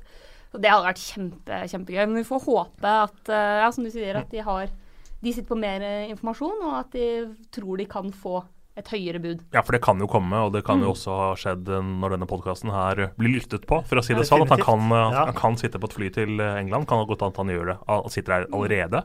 Eh, Palace har hatt gode nordmenn før òg. De liker nordmenn. Både Steffen Iversen og Jonathan Parr. Og de henta vel Aker Hilakti fra, fra norsk fotball. Og Brede Hangeland, må ikke glemme Brede Hangeland. Og uh, de hadde en mann som fikk to kamper. Nordmann. Ja, nå har jeg glemt uh, navnet på han. Jeg var og kommenterte en Palace-kamp. Da fikk han en hel side, liksom. Sånn Ja. der, eh, Forgotten Heroes. Ikke Heroes, men Forgotten Players, uh, med intervju med han og sånn. Eh, jeg har glemt Det kan dere skrive på hashtaggen 2PL-pod, eh, hvem det, det er. Og spisser, Chelsea. Her har vi den derre merry-go-round. Mm. Uh, Aubameyang, uh, Batshuayi, Giroud Giroud. er vel de tre i dette Og en kan legge til én mann til, som ikke nødvendigvis er inn mot Premier League, da, men uh, som er i Dortmund-puslespillet. Det er Anthony Modest, Ja. Som, uh, som også er uh, på, til dels involvert. Fordi at. Ja, men som var en kjempesuksess i Köln. Mm. eh, som eh, ble trent av Peter Støger, som nå er sjef i Dortmund. Mm. Eh, og Dortmund trenger jo en erstatter for Aubameyang. Ja. Eh, og som jeg kanskje ikke sa i sted med tanke på Aubameyang, er at Dortmund uansett hvordan dette her går, så er Dortmund den store taperen. Mm. Fordi de får aldri erstattet Aubameyang og hans kvaliteter, hvordan han passer inn Dortmund sånn spillemessig på banen. Og de får en altfor lav pris. Mm. For det er veldig ugunstig for dem å selge han nå. De får, de får for lite penger etter mitt syn. De får ikke den budkrigen mellom flere klubber som de kanskje kunne fått når dette her hadde vært, vært mer planlagt. Og de får ikke inn en erstatter som øh, nødvendigvis passer godt nok inn. Det snakkes jo om Giroud inn, ikke sant. Og så er Modest De er litt forskjellige typer. Men Batshuayi er den kanskje Batshuayi har jo Dortmund mest om nå. Altså Giroud til Chelsea. ja, og Batshuayi har vært, uh, vært på radaren til Dortmund i ganske mange år. Mm. Uh, så det er en spiller som de har sett for seg at kan passe veldig fint øh, inn. Så det er nok kanskje den spilleren som, som jeg tenker at er best match sånn sett, da. Og Og, i motsetning til Aubameyang, som virker som en utrolig fet fyr. Ja, ja da. Batman. Eh, øh, Han er i hvert fall god på sosiale medier. og så snakkes det vel også om at uh, Giroud ønsker å bo i London også, Mm. som gjør at uh, den uh, Dortmund-linken for hans del er litt uh, mer usannsynlig. Men er det sånn at Dortmund ikke selger Aubameyang før de vet at de har en erstatter? Jeg tror nok at han har blitt såpass uh, uspiselig for dem, rett og slett, i ledelsen der, at de har lyst til å kvitte seg med problemet, som de helt sikkert omtaler han uh, som. Men uh, det er nok også litt sånn prinsippsak for dem når de forhandler med Premier League-klubber og Arsenal og sånne ting, at de skal ikke selge seg, altså, de skal ikke selge seg for, for billig. Fordi de, Arsenal er jo selvfølgelig veldig klar over situasjonen. At uh, her, her kan vi gjøre et uh, lite kupp. Eh, nå snakkes det jo om uh, både i dag og i går kveld om at klubbene visstnok skal være enige at det er bare detaljer som, eh, som gjenstår. Men det kan hende at Dortmund ikke eh, sier go før de har fått go på en erstatter inn. da. Det vil gjøre vondt for Arsenal-fansen, samme hva slags erstattere de får inn å miste Giroud, tror jeg. For han er de jo fryktelig glad i. Ja. Eh, men Giroud er jeg ganske sikker på at altså Giroud vil jo flytte på seg fordi at hvis han skal være med til VM i sommeren, så er han nødt til å finne seg en klubb med spilletid. Sant? Eh, om, altså da er det bedre å sitte på benken til Chelsea. ja, det, det er, Men det er det som gjør at jeg syns den Chelsea-linken er litt rar. da. Ja. Fordi at målet altså, Målet med Giroud for å, for å bytte klubb er jo helt åpenbart å skulle få mer spilletid for å ha en sjanse til å bli med til VM. Og da ser jeg ikke helt poeng fra hans side med å skulle gå til Chelsea. Man kan si mye om Morata som har vært opp og ned så langt i sesongen, men han vil jo ikke være altså, Morato, Morata vil i utgangspunktet være førstevalget i Chelsea framover også. Så jeg er litt usikker på, på hva som egentlig kommer til å Han har vært tidligere linka til bl.a. Southampton og litt andre ting. Nå har Southampton allerede handla ny spiss. Men ja, jeg er litt spent på hva som egentlig skjer der. En veldig fin mann for Arsenal å ha, da. Ja. Når det er eh, kampbilder som eh, gjør at motstanderen ligger veldig lavt, du må få løfta litt inn i boksen, så er det veldig fint å ha en type som er litt annerledes. Det er vel også det egentlig Chelsea har søkt, da, med denne høye target-mannen. Så det er et dilemma også for, eh, for Wenger på mange måter, da. Fordi Aubameyang og Lacassette er litt likere i stilen, og det er veldig fint å ha en murbrekker da, som er litt annerledes. Men jeg satt og lekte litt med tanke på det med, med Arsenal. Hvordan de skal få spilt begge tre. 4-1-2. Mm. uh, det er jo flere som bruker det når Ja, Chelsea ja. har brukt den. og sånn også. Han har spilt mye med Trebekslinje, og Øzil bak Lacassette og Aubameyang hadde vært artig. Mm. Da forsvinner jo Mkhitaryan, ja. Ja. Jeg, jeg synes det er vanskelig å sette opp, uh, sette den offensive rekka til Arsenal uh, nå, men jeg tror nok at det beste for Arsenal er å ikke spille med både Lacassette og Aubameyang samtidig. Jeg tror du må kjøre Aubameyang, og så må du ha Mkhitaryan, Øzil og eventuelt én til av de eh, gutta bak der. Og så må du ha Sjaka og et par andre med litt mer eh, defensive tanker, i hvert fall eh, i midtbaneleddet. For det blir veldig offensivt med alle de der uh, fremme. Amerik Leip- Laporte ja, det er spennende. eh, fra Atletic til eh, Manchester City. Og den ser jo nesten Den kan fort også være bekreftet når folk hører podkasten. Ja, der er jo utkjøpsklausulen trigga. Eh, det er bekrefta både Laporte og Atletic. Så det er litt viktig for de som ikke veit det. fordi Det blir alltid mye snakk om de spanske utkjøpsklausulene. Fordi de har blitt trigga jevnt og trutt de siste åra. Og det er at alle spanske spillere må ha utkjøpsklausul. Så det er ikke spanske klubber som er dumme, som hele tida setter inn sånne utkjøpsklausuler og ender opp med å miste spillere for lavere enn markedsverdien, sånn som med f.eks. At Neymar plutselig forsvant. Er at det er en regel. De må ha Det var kanskje ikke lavere enn uten. Nei, men i etter, altså han, Ja, okay, det er klart at Hadde de forhandla med, med, med PSG, så tror jeg kanskje de til og med kunne klart å presse den prisen høyere når man ser ja, Det er litt vanskelig å si høna og egget på prisene der, da, men at man kan miste spillere uten at man egentlig Ja. ønsker det selv på den måten. Eh, og Laporte har vært ønska av Pep lenge. Mm, I Bayern også. Eh, ja, eh, det er en spiller som Pep har fulgt tett, virker det som, og som han mener passer veldig godt inn i hans måte å spille forsvar på. Han er, han er en stopper etter Guardiolas smak, vil jeg påstå. Eh, jeg syns han har vært god i, i La Liga. Jeg synes han er en solid stopper. God, god spilleforståelse. God med ball i beina. Det er jo viktig når du skal inn og, og i det City-forsvaret der som skal spille seg ut, samme hvor pressa de er. Og, og vel, jeg syns han er ofte flink til å holde liksom, hodet kaldt, også under press. Og det er klart at dette er en, ja, det er en spiller som Pep har ønska seg så sterkt. eh, og han veit hva han gjør når han går etter Laporte. Og fortsatt ung. Men, men betyr dette også at han har gitt opp Company, da? Som fikk eh, komme seg tilbake nå i helgen? De har jo i Otamendi, hvert de fall har jo kanskje Stones. Newcastle eh, kan få napp på Mangala. Ja, Ja. det tror jeg nok. Men, men og du, du, Newcastle har vært frustrerte. De fikk jo ikke Sturridge heller, og bare fått Kennedy på lån. Um, så er det litt det med Company at når han er så skadeplaga som han er Jeg syns Company er en nydelig forsvar, eh, forsvarsspiller, en nydelig spiller. Eh, også veldig som for han som person. Han er jo sånn der Unicef-fadder og alle mulige sånne ting. Og elefantfadder og sånne ting. Men en, en stopper som er så skadeplaga, da må du, må du ha en backup, for du kan ikke belage deg på Nei, nei. det. Eh, Jeg bare tenker på sånn- om, om de skal si farvel til Company. Ja. Antageligvis kanskje etter denne sesongen også, Ja. man ser hvordan han spiller. Eh, Ja. hvor han eh, ser litt ut som eh, Begynner å se litt ut som Yaya Touré. Begynte å se ut som, og Mm. virkelig ser ut som nå, at nå går det litt for fort eh, rundt svingene. Og midtstopperne til Pep skal jo sånn spille på en annen måte Nettopp. enn de fleste andre Ja. midtstopperne. Eh, du, man så jo det også i, i Bundesliga, også med at uh, Alaba spilte midtstopper, Kimmich var midtstopper. At han vil jo egentlig ha hva skal jeg si, nesten midtbanetyper eh, er som, eh, som, som, som stoppere. For de skal, jo, de skal jo være frispillere på en helt annen måte. jo, og Det som er fint for City med å hente Laporte nå, er jo at også han har tid på seg. Han trenger ikke å rushes inn på noen som helst måte. Man har Otamendi og Stones. Så har man da en som kan gå inn på for en av de spillere hvis man har behov for å rullere, hvis man har karantener, hvis man har skader. Men man trenger ikke å rushe han, og han er en mann for framtida. Han er såpass ung at han fortsatt også kan ta nye steg. Eh, og jeg hørte på eh, La Liga Loca, podkasten podkast om spansk fotball, eh, som, hvor de mente de har jo veldig veldig peiling på det, eh, at Laporte nok har liksom nådd toppnivået sitt i Atletic at han kan ikke bli bedre i Atletic enn det han er nå. At han nok også kan trenge nytt spillemiljø, nye utfordringer. Eh, at det taket i Atletic er litt lavere da, eh, enn det er i andre, andre, større klubber. Så jeg tror det kan bli en veldig, veldig god deal for City. Lucas eh, Mora ser ut til å være på vei til eh, Tottenham. Eh, Mello tvitrer hvis Tottenham signerer Mora, vil de være den første klubben som kan ha både sønn og mora på banen.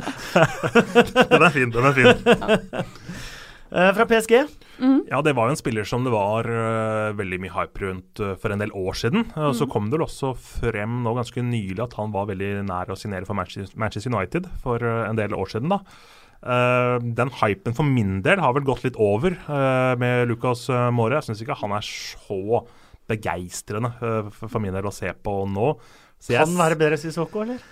Jo, selvfølgelig. Det er jo ikke så, så, vanskelig. Jeg skal ikke si at jeg er det, men, men basert på hva kanskje enkelte forventet da han kom til sitt forrige mesterskap. Men Lucas Mora, jeg ser ikke helt hva han Altså hvorfor Tottenham trenger han, da. Det kan jo også være en spiller som kan få en litt ny start i en ny klubb, en ny ja, liga. Det er, det er, klart at PSG er et lag hvor det er ekstremt vanskelig å spille seg inn i førsteelveren. Av åpenbare grunner. Eh, sånn at det, det, kan jo være at man kan se litt det potensialet vi så for et par år siden. Da. Jeg syns Tottenham har hatt mange sånne som eh, ja. ligner litt på Lucas uh, Mora. Altså, det er liksom Lennon, det er Townsend, det er, altså, det er liksom den typen der. da. Man har, han har brasiliansk pass isteden. Ja. Mm. Uh, nydelig overgang ble bekreftet i går kveld. Tim Cahill tilbake ja. til uh, Millwall. Det syns jeg gjorde det godt å se. Den digga jeg, rett og slett. Jeg syns uh, Cahill er en helt fantastisk type. Jeg så han uh, Sist jeg så han var, det var vel i landskampene til Australia mot Syria. Mm. da de spilte playoff der. Han har jo fremdeles en sånn herlig sånn presence på banen. Altså Han løper jo ikke så mye. og og dikterer jo ikke spillet på samme måte. Man har, bare, har den tilstedeværelsen som er helt, uh, helt unik, og jeg tror han kan, uh, jeg tror han kan stange inn et par kasser uh, for Millwall også. Herlig type òg. Ja. Burnley vil visstnok ha Rob Holding fra Arsenal. Andy King kan være på vei ut fra Leicester. Andy King for øvrig den første siden fem Ipswich-spillere i 1961 som er ligamester både på øverste, nest øverste og tredje øverste nivå med samme klubb. Mm. Um, uh, Stoke uh, prøver fortsatt å lete etter eh, stoppere. Uh, Morgan Schneiderlin, der skal det visstnok vært budt mye fra Westham. Mm. De fikk jo ikke Tom Kearney. Og hvis det stemmer at Westham har budt 18 millioner pund for Tom Kearney, så lurer jeg på hva James Madison er verdt. James Madison er også matchvinner i 6-1-0-seiere denne sesongen. Det er ganske mange poeng. Mm. og hvis dere så skåringa mot uh, Brentford i uh, helga fra nesten 30 meter uh, Først luke, og så sikte på krysset. Og 1-0 borte mot Brentford, som ikke har tapt på hjemmebane siden august. Um, og der er det kommet sånn, her, sånn prøve seg med sånn åtte og 10 millioner pund og sånt nå, da ser jeg bare Det er ikke verdt frimerket til, uh, til James Madison engang. Uh, David Clasen kanskje på vei vekk på lån for å få spilt litt uh, fotball igjen. Um, og så Ja, hva annet venter vi på? Hvem er det som kommer til å kjøpe stort i løpet av neste døgnet? Altså to rykter som jeg tenker er interessante. Eh, det ene vet jeg veldig lite om Holly, og det er eh, at eh, David Louise kanskje skal til Arsenal i en Giroud-deal. Det hadde vært det, perfekt for Arsenal. Ja. Jeg vet ikke liksom hvor mye hold det er i det ryktet, men jeg tenkte at liksom så for å bytte ut Rob Holding med David Louis, så tenker jeg at da har du gjort en god deal. Og, men, men jeg, jeg, så det, så jeg tenkte litt sånn, dette er jo veldig rart. Men samtidig så har jo da Louis vært litt ute, ute i kulda i Chelsea og ja. sånn. Men, men, du er veldig keen på Oliver Giroud eh, som backup hvis du liksom tilbyr David Louis andre veien, eh, ja. tenker jeg. Og så er det jo Emerson til Chelsea. Eh, som jeg har lest mye om at han skal være på plass i England, på vei til England, på fly og sånne type ting. Uh, og hvis Chelsea kjøper Emerson, så tror jeg de uh, gjør en kjempedeal. Uh, han har vært en del skada, altså Roma Beck. Mm. vært en del skada nå i høst, men var altså helt fantastisk i fjor. En av de beste bekkene i Serie A. god både defensivt og offensivt, eh, og tror jeg vil passe veldig, veldig godt inn i Chelsea. Eh, så hvis den dealen går, så får man en veldig god utfordrer til Alonso, og en veldig god backup. For de kvitta seg jo med en uh, bekk nå. Um, Abdul Rama Bab Nei, Baba Rahman. Baba Rahman tilbake gikk. til uh, Schalke på lån. Mm. Som ikke har vært noen uh, suksess i uh, Chelsea. Ja, apropos når vi nevner David Louis, så må vi også gi en liten tommel opp igjen til Andreas Christensen. Altså. Mm. Uh, Ja. Måten han uh, Måten han har kommet inn i Chelsea-laget på, jeg syns det er fantastisk gøy med en så ung danske som um, hadde to fine utviklingsår i Bundesliga. Og det var også veldig fordelaktig for han at de spilte med tre bak i Borussia Mönchengladbach. At han kommer inn da i et system som har vært ganske likt det han har vært, uh, vært i fra før.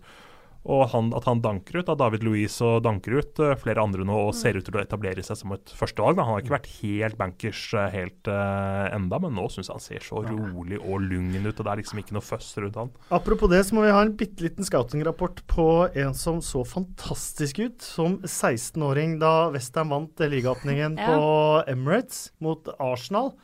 Eh, For Westham, Reece Oxford. Yes. Ja. Uh, Hvordan har han gjort i tysk fotball? Reece Oxford han har Han spilt spilte jo igjen nå i helga mot, mot Wiggen. Ja, han har spilt uh, De gangene jeg har sett han, og jeg har jo sett uh, mindre tysk fotball i år enn tidligere, grunnet vi har mistet rettighetene. Men de gangene jeg har sett han, så har han faktisk spilt sentralt på midten. Sammen med Zakaria eller Cusans, uh, to unge um, andre spillere. Og han har klart seg ganske bra, egentlig. Han er ikke en spiller som har dominert uh, kampene, men og Gladbach ønsket jo å forlenge dette, det, dette lånet og var veldig tydelig på at han ønsker vi å satse videre på. Uh, så, så han har egentlig vært ganske, ganske decent, ikke noe sånn outstanding. Det har jo vært andre som har kommet fra England også. Men vi skriver han ikke av ennå. Nei, nei, det syns jeg ikke. Og det var, han har fått en veldig viktig erfaring. Det å være viktig på et lag igjen har nok gjort veldig godt uh, for han. Og så er det jo andre som ikke har vært så suksessfulle i Bundesliga eller tysk fotball, sånn som han uh, Var det ikke Kent som kom fra Liverpool til uh, Ryan Kent, uh, ja. Freiburg, som ikke ble noe Og Oliver Burke hadde vi også Suksess, over. Burke, han spiller jeg veldig svak for. Oliver Eh, Burke startet det veldig bra i Tyskland, men så falt han vel mer eller mindre litt eh, igjennom. Holdt ikke helt uh, nivået. Uh, var nok sikkert et, en veldig sånn hype og litt sånn press rundt eh, han også. At eh, den merkelappen med nye Gareth Bale den tynget nok, uh, tynget nok litt. Men jeg synes i hvert fall det er en spennende tendens at vi ser at det er flere unge engelske talenter som tør å hva skal jeg si, gå litt utafor balløya og prøve å utvikle seg. Siden det er veldig vanskelig selvfølgelig å, å få sjansen når du skal eh, krige i en internasjonal liga eh, som Premier League er, da, mot, uh, mot andre unge nigerianske eller afrikanske eller søramerikanske talenter. da. Nå skal dere få en liten Nei, nå skal vi ta lekse, leksehøring. Ja. Eh, Dere fikk lekse. Mm. Eh, De beste januarkjøpene og de verste januarkjøpene sa vi at vi skal ha liste på tre av hver. Mm. Mm. Få høre. Hvor skal vi starte? Vi starter på Vi tar de dårligste først. Det er det morsomste sånn ja. egentlig. Du kan starte det, Mina. Vi har sikkert, altså jeg har en litt sånn reserveliste her også, men, ja, det, det, men sånn når det kommer til hvor mye penger man investerer i en spiller, for det tenker jeg også er litt viktig når man ser på hva er de dårligste kjøpene, så er det veldig vanskelig å komme seg unna Fernando Torres. Mm. Eh, 2011, 50 millioner. Eh, og han var jo ikke et dårlig kjøp idet det skjedde, for han hadde, kom jo med fra en kjempe... Altså han har vært fantastisk både i Atletico og i Liverpool, men Bortsett fra den sesongen i Liverpool der, så så man at noe var gærent. Ja. Og så skårer han to mot Wolverhampton, tror jeg. Og så tenker man nå er Torres tilbake. Og så var det Chelsea-overgangen. Mm. Men det, ja, det Nei, var knøt- litt fishy der og da, altså. det knøt seg. det knøt Men han hadde liksom hatt flere Ja, solide sesonger bak seg. fantastisk. Han og Gerard var jo Eh, sånn at egen han klasse. Han er det veldig vanskelig å komme forbi mm. eh, når man snakker om dårlig januarkjøp. Ja, og i litt samme dealen så var jo Andy Carroll. Ja. Som uh, Mina sikkert også har uh, på sin liste. Han kosta jo 35 eh, millioner. Og hadde vel et par OK opptredener, men det er liksom, man kan telle dem på ja, eller kanskje to hender hvis man er eh, litt vel uh, gavmild. Uh, for han skulle jo på en måte inn og erstatte litt, eh, selv om de ikke er eh, spesielt like spillertyper. da. Mm. Så var det i hvert fall en spiller det var enorme forventninger til. Mm. Jeg også har Carol på min, eh, med på min liste, naturlig nok. Det er, liksom, det er kanskje de to som blinker seg ut. Ja, Veldig tydelig, da. I hvert fall med tanke på enorme forventninger, masse penger som er uh, brukt. Og så kan man jo også, når man skal sette opp sånne lister da, uh, på gode, dårlige januarkjøp, uh, tenker man da eventuelt de neste seks månedene for å eventuelt redde en Premier League-plass eller sikre en tittel, eller hvis man, hvis man, ser litt på lengre sikt. Mm. Fordi Kostas Mitroglu, uh, som man husker gikk til, gikk til Fulham, som var jo da på et topplag i Hellas, var vel i Olympiakos Mm. som spilte Champions League og sånne ting. Så kommer han inn til, inn til Fulham i januar 2014, kosta 12 millioner pund og var på banen altså tre ganger. Mm. Vi kan jo, kan jo også nevne det som en av de dårligste kjøpene, for Fulham kjøper jo ikke så ofte uh, ordentlig dyrt. Og her sa jo også Magat på en pressekonferanse i etterkant at han der, han burde vi ikke kjøpt. Eller han burde vi ikke Fulham kjøpt. For han, uh, han spilte på et topplag og kom inn til et bunnlag. Det er en helt uh, annen, uh, annen greie. Og Fulham er jo også en klubb som ofte har vært veldig aktiv i Mm. januarvinduene, viser jo historien. De hadde jo også et uh, et annet som Brede Hangeland var inne, inne på her i podkasten tidligere, et godt salg, da, var vel med Jimmy Bullard Mm. til, uh, til Hull, som de hadde store forventninger til. Tjente masse penger, og det eneste han husket for, huskes for i Hull, er jo denne målfeiringa Ja, hvor han uh, imiterte han uh, Phil hva- Brown. Ja, Phil Brown, ja. Så det er også et, et dårlig kjøp. Ja. Altså.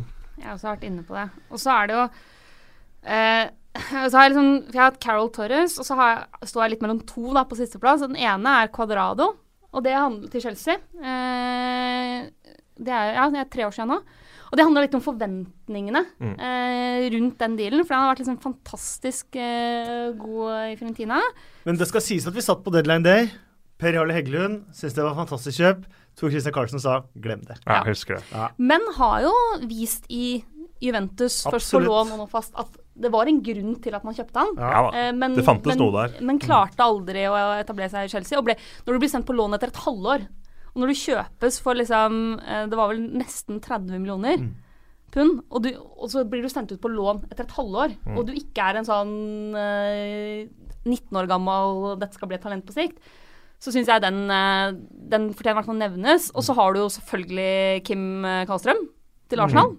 Som var en sånn Hva i all verden er det Arsenal driver med her? Da er det jo ikke liksom pengene involvert, eller noe som helst sånt noe, men, men at man, man liksom henter en ja, var han 32 eller 31 Ja. da? Eh, år gammel spiller som liksom var god for en stund siden, med liksom ryggproblemer og skader og alt mulig. Jeg lurer på om han rakk å spille så vidt et par kamper. Det har vært litt arsa Arsenal, sånn- da, som har kjøpt liksom litt i panikk på Ja. deadline day, både i eh, august-september og januar-februar-vindu. Hva har du på din, Petter?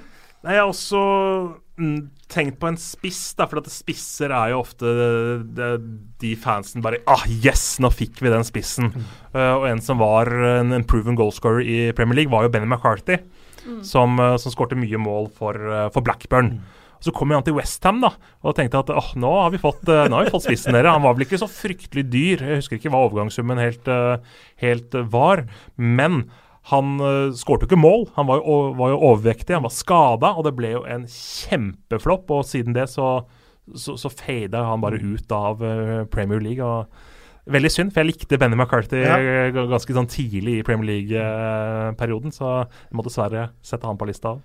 Afonso Alves har vært uh, foreslått på Twitter. Ja, det, det er jo flere sånne nederlandske eh, Ja. varianter. Da. Du har vel uh, en av dine Norwich-menn, og Ricky van Voldsvinkel. Jeg husker ikke om det var ja, det var ikke januar. Nei, men uh, men han, han endte opp med 27 eller 29 Premier League-kamper og fire skudd på mål. Ja, det blir tungt. uh, Eirik Brådland foreslår Wilfried Boni til Ja, uh, Manchester han var også på min reserveliste. Ja, det er et, det er et godt, godt forslag. Uh,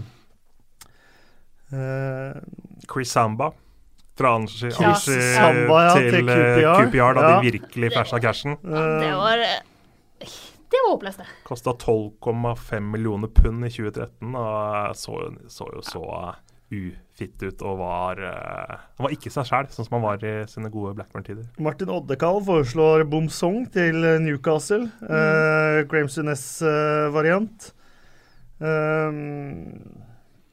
Ja, her har vi Steffen Larsen. Han har både Afonso Alves, Fernando Torres og Mitroglo, så han er på, på, vår, eh, på vår side. Mm. Um, jeg har jo et fryktelig minne om da Norwich eh, var med og kjempa om ligagullet i 88-89-sesongen.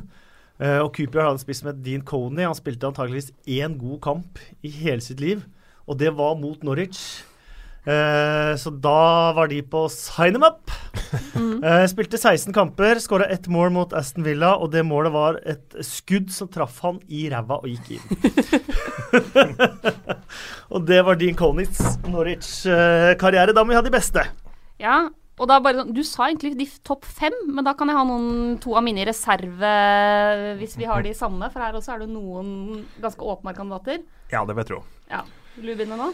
Ja, et av de bedre for min del er Matic, da. Til eh, Chelsea. Det var jo en litt sånn spesiell eh, Første eller andre gang. Nei, jeg tenker jo på, på andre gangen, og Ja. det er det som egentlig gjør det enda mer spesielt. At de, henta han tilbake. Og så fungerte han såpass bra, og de, de kom seg tilbake på, Mm. på toppen av uh, tronen igjen. Nå har jo han uh, gått videre uh, siden den gang, men han er jo en kvalitetsspiller, så det er jo Absolutt. veldig sånn tøft at man henter han tilbake når man Mm. ikke lyktes skikkelig første gangen. Jeg innser at uh, min liste er veldig defensiv. Uh, men det er, jeg er jo ekstremt opptatt av hvor viktig det er å ha gode forsvarsspillere Ja. for å kunne lykkes. og Det er en, veldig mange gode kandidater Ja. i her verste av alt. en, en mann der er jo Nemanja Vidic. Ja, han er hos meg, ja. eh, som kom da i 2006 for 7 millioner pund. Eh, og altså, du, du kjøper en spiller som da blir i klubben i ni sesonger, blir kaptein, fem Premier League-titler, Champions League, eh, Player of the Year år etter år. I, eller nei, på Team of the Season år etter år. Så det også mener jeg er en ekstremt god deal for United, og en spiller som også blei vanvittig viktig i det laget. Ja, og det er vanskelig å få gode stoppere, altså som er i klubben i så, så lang Mm. tid og er så viktige som eh, Vidic eh, var, så han er helt opplagt på min liste også. også. Og Evra kom jo i samme Ja. slengen, men han er nå kanskje ikke helt opp der. Nei, jeg, nei, jeg sto mellom de, og da var Vidic Jeg mener Vidic var mye viktigere for det United-laget, selv om Evra også var fantastisk god. Ja, og Evra var jo også ganske billig, han også. Men det er selvfølgelig vanskelig å sammenligne overgangssummer eh, med den gang og i dag. Så Evra er jo også i nærheten sånn, så, sånn sett kom jo i januar 2006. Men vi kan jo også glede Liverpool-fansen da med å nevne Luis Suárez. Som uh, også selvfølgelig, som vi alle vet, ble en dundrende suksess. Kom vel egentlig i samme vindu som Andy Carroll, gjorde han ikke det? Sa, samme minutt. Men, Men Suárez var en del billigere. men uh, han var en del billigere, og det var liksom uh, Ja, ja, fikk med han fra Uruguay samtidig. Det var, det var jo Carroll man snakket uh, om, i hvert fall på den uh, tiden der. Og så tok det litt tid før Tok før han begynte å score. f- Før han begynte å score. var, men han brant jo ekstremt mye sjanser i starten, eh, Suárez. Og så bare tok det jo helt Helt av. ja. Var det, det var en toppskårer i Liverpool, var det tre år på rad? Ja, jeg husker ikke helt statistikken, men, uh, men måten han bar det laget på, Ja. det har vi vel knapt sett maken, i hvert fall i moderne tid, for Liverpools del. Eh, ja, eh, hvem flere har vi? Du, jeg har en eh, litt, kanskje litt mindre åpenbar og litt mer utradisjonell, men jeg gjorde jo litt sånn research, for det er, det er alltid lett at man glemmer noen Ja, for Man husker ikke om det er januar eller ikke. Og på flere av de listene jeg fant, så er det en kjenning av oss, nemlig Brede Hangeland. Ja, han er. Han har jeg også notert meg, Eh, faktisk. ja, eh, 2008 eh, for eh, tre millioner pund, eh, og endte jo opp med å bli en sånn klippe i det Fulham-laget. Og blant annet beskrives liksom sånn derre Og ikke bare det, han var jo ekstremt viktig at de beholdt plassen Ja. i hans første halve sesong. Ja, Mm. og så seinere liksom, eh, virkelig leda det laget på mange måter. Eh, og en av liksom, beskrivelsene jeg fant på nett, var sånn herre ja, Hvis du spør If you ask any Fulham supporter who was the best player to have represented their club, undoubtedly the majority would answer Brede Hangeland. Mm. Eh, så han vil jeg rett og slett ha med på min liste over beste kjøp, altså. Ja, Han er helt klart med på min liste. Og jeg nevnte jo tidligere at eh, Fulham har vært veldig aktive ofte i januar. Og en annen mann jeg faktisk har lyst til å trekke fram, da, kanskje som en liten bobler, er jo Clint Dempsey. Som kom i januar 2007. Og Det som var litt spesielt med han, var at han ble henta fra New England Revolution. Og det er litt sånn Hente en mann fra MLS, det er ikke så ofte at det blir en dundrende suksess. Det er litt, eh, det er litt risky sånn sett av eh, Fulham, men han ble jo en fantastisk spiller og bøtta jo inn mål på sitt eh, beste. Nesten som man har glemt hvor god Clint Dempsey var. Og han spiller fremdeles den dag i dag. Ble jo mester Seattle, med Ja. Seattle Sounders um, nå i finalen mot Nei, de tapte jo, men mot Portland Timbers, men vant i fjor uh, mot, uh, mot samme lag. Og nå får han jo også en norsk lagkompis i eh, løpet av dagen, sannsynligvis. Magnus Wolff Eikrem er på vei til Seattle Sounders. hente Det er en fantastisk kul eh, klubb. Bare bitte liten digresjon, men de, Mm. eh, de har jo over 35 000 på kampene sine og ordentlig, ordentlig sving. Mm. Eh, så veldig kul klubb å være i. Vi må ta med eh, noen av Twitters eh, kandidater. Anders, eh, Dele Alli til 5 millioner pund bør rage høyt oppe. Eh, og det er, det er en litt spesiell situasjon, for de kjøpte han jo i januarvinduet, Mm. men lot han forbli i Milton Keanes fram til sommeren, så den er litt sånn Mm. halvtvilsom. Filippe Coutinho er det mange som uh, uh, som nevner. Han var ikke så veldig dyr, han heller. Doc Rustikop nevner Andy Cole. Kom Mm. helt ut av det blå. Eh, vant alt. Um, eh, Henrik Lervik er helt enig med deg, uh, Petter, med Matic. Mm. Uh, Daniel Bordevic nevner også Hangeland. Eh, Vegard Ottesen, Gabriel Jesus Mm. eh, bør nevnes, men han ble vel kjøpt på sommeren og kom i januar igjen. Så litt motsatt av eh, Motsatt jeg, av jeg også hadde ja. Det, var, av, det var vel eh, noe sånn fulle 18-opplegg Ja. med han, var det Ja, ikke det var i hvert fall Jeg kommenterte OL der. Mm. og da var han jo klar for Mm. Manchester City, men han kom jo ikke før. Ja, så, og jeg, jeg, jeg januar. hadde en jeg hadde lyst til å ha med, som var litt usikker på reglene dine, Kasper. For det er sånn som Arteta til Jeg Everton. har ingen regler. Ja, men, for, ar, ar, men fordi eh, Arteta til Everton ble jo lånt i januar eh, fra Sociedad, og så kjøpt for to millioner Mm. den sommeren. Ja. Eh, sånn at han, han var Det var jo da han kom til Everton, men da på lån. Mm. Og det også var en veldig, veldig god deal Mm. eh, for, eh, for Everton. Kurt eh, Henriksen, Liverpool vil nok rage høyt på begge listene. Suárez Coutinho i den ene enden og Carol i den andre. Det er vi vel helt enig i. Eh, Helge Kalleklev, vår gode kollega. Christophe Dugari er overlegen her, så får Mm. Vidic, Hangeland og Suárez kjempe om resterende plassene på, eh, på pallen. Um, eh, Martin Oddekall nevner Andrej Arshavin. Kom inn og satte fyr på ligaen i 2009. Uh, ja. Da har vi vel vært gjennom, uh, gjennom eh, mange. Uh, Rikard Mathisen har både Coutinho, Suárez, Cahill, Vidic og Hangeland. Mm. Var Cahill et Altså Chelsea. Ja, var det et januarkjøp? Ja, det var det. det. Interessant. Men nå er man er litt uenig i år om hvor god han er. Men det er ingen tvil om at han har vært viktig Definitivt. for Og bøtteløfter til eh, de grader. Eh, det er jo en bra overgang da, til å ta Twitter-hjørnet, rett og slett. Eh, og vi har fått mange Twitter-meldinger denne gangen. Trond Simen Nesse. Hvis dere skal følge opp det ukentlige innslaget med rants, kan jeg godt stikke innom og snakke om VAR. Uh, jeg tok jobben for deg, eh, Trond Simen. Eh, Bjørnar Fjelde, som har kritisert Norwich-innslagene her tidligere, likte godt forslaget til Brede om at du, Kasper, må betale for å nevne et lag som ligger ditt hjerte nær. Han sa 20 kroner, men det blir for billig. Hva med 2000? Og da, Bjørnar, bare for å irritere deg litt ekstra, eh, så var det sånn at Norwich har kjøpt tre spillere på samme dag her. Det kunne ikke blitt mer hipsters enn eh, det ble. Eh, så du skal få 20 sekunder nå, Petter, til å bare fortelle hva de har fått i Onel Hernandez fra Braunschweig. Dennis Spreni fra Paderborn og Moritz Leitner fra Augsburg. Han han jeg kjenner best, eh, best av dem, er jo Moritz Leitner. Ja, det har jeg skjønt, for han Um, var jo veldig han- spennende en gang. han var veldig spennende en gang og var eh, veldig morsom. En litt sånn lettvekter i midtbaneleddet eh, som, eh, som jeg er litt spent på hvordan vil passe inn i championship-fotballen. men eh, det er nok den mannen jeg kjenner best. Jeg har ikke sett de andre så veldig mye. Da er det jeg- ganske hipsters, hvis ikke du jeg, kjenner til dem. det. må jeg innrømme, fordi um, Onel Hernandez har jo ikke spilt um, i mer enn to sesonger i Braunschweig, eh, som jeg ser her uh, nå, og, og har vært stort sett uh, en annetlagsspiller da, i Wolfsburg og andre klubber, så han, han kan jeg ikke komme noen noe klar eh, dom på. Men Leitner er spennende, og det er jo en mann som uh, Farke kjenner veldig godt også fra. Dortmund-tiden. så det er en mann jeg kanskje har lov til å ha litt forventninger til. altså. Eh, Thomas Hansen syns det er trivelig med en ukentlig nyhet eller trivia om Norwich. Ikke slutt med det, så får Bjørnar Felde og Thomas krangle om det. Tippelaget Tips, eller Tippelaget 1 som det heter på Twitter. Eh, fikk akkurat hørt på siste podkast. det gjør pendlerlivet til en lek. Merker oss at eh, Simen Møller og Brede Hangeland er så dårlige til å tippe at man skulle tro de var medlemmer av tippelaget vårt. Um, Joe skriver alltid ekstremt interessant å høre Brede Hangeland snakke fotball. Det er jeg helt uh, enig i. Um, Mello, uh, fine gjester og topp podkast som vanlig. Second touch is a tackle likte jeg godt. Skal nok bli flittig brukt i, andre, i, åttende, i årets åttende divisjon. Eh, Sebastian Johansen, strålende episode, men utilgivelig å ikke ha Sané sin assist som verken kandidat til øyeblikk eller blomst.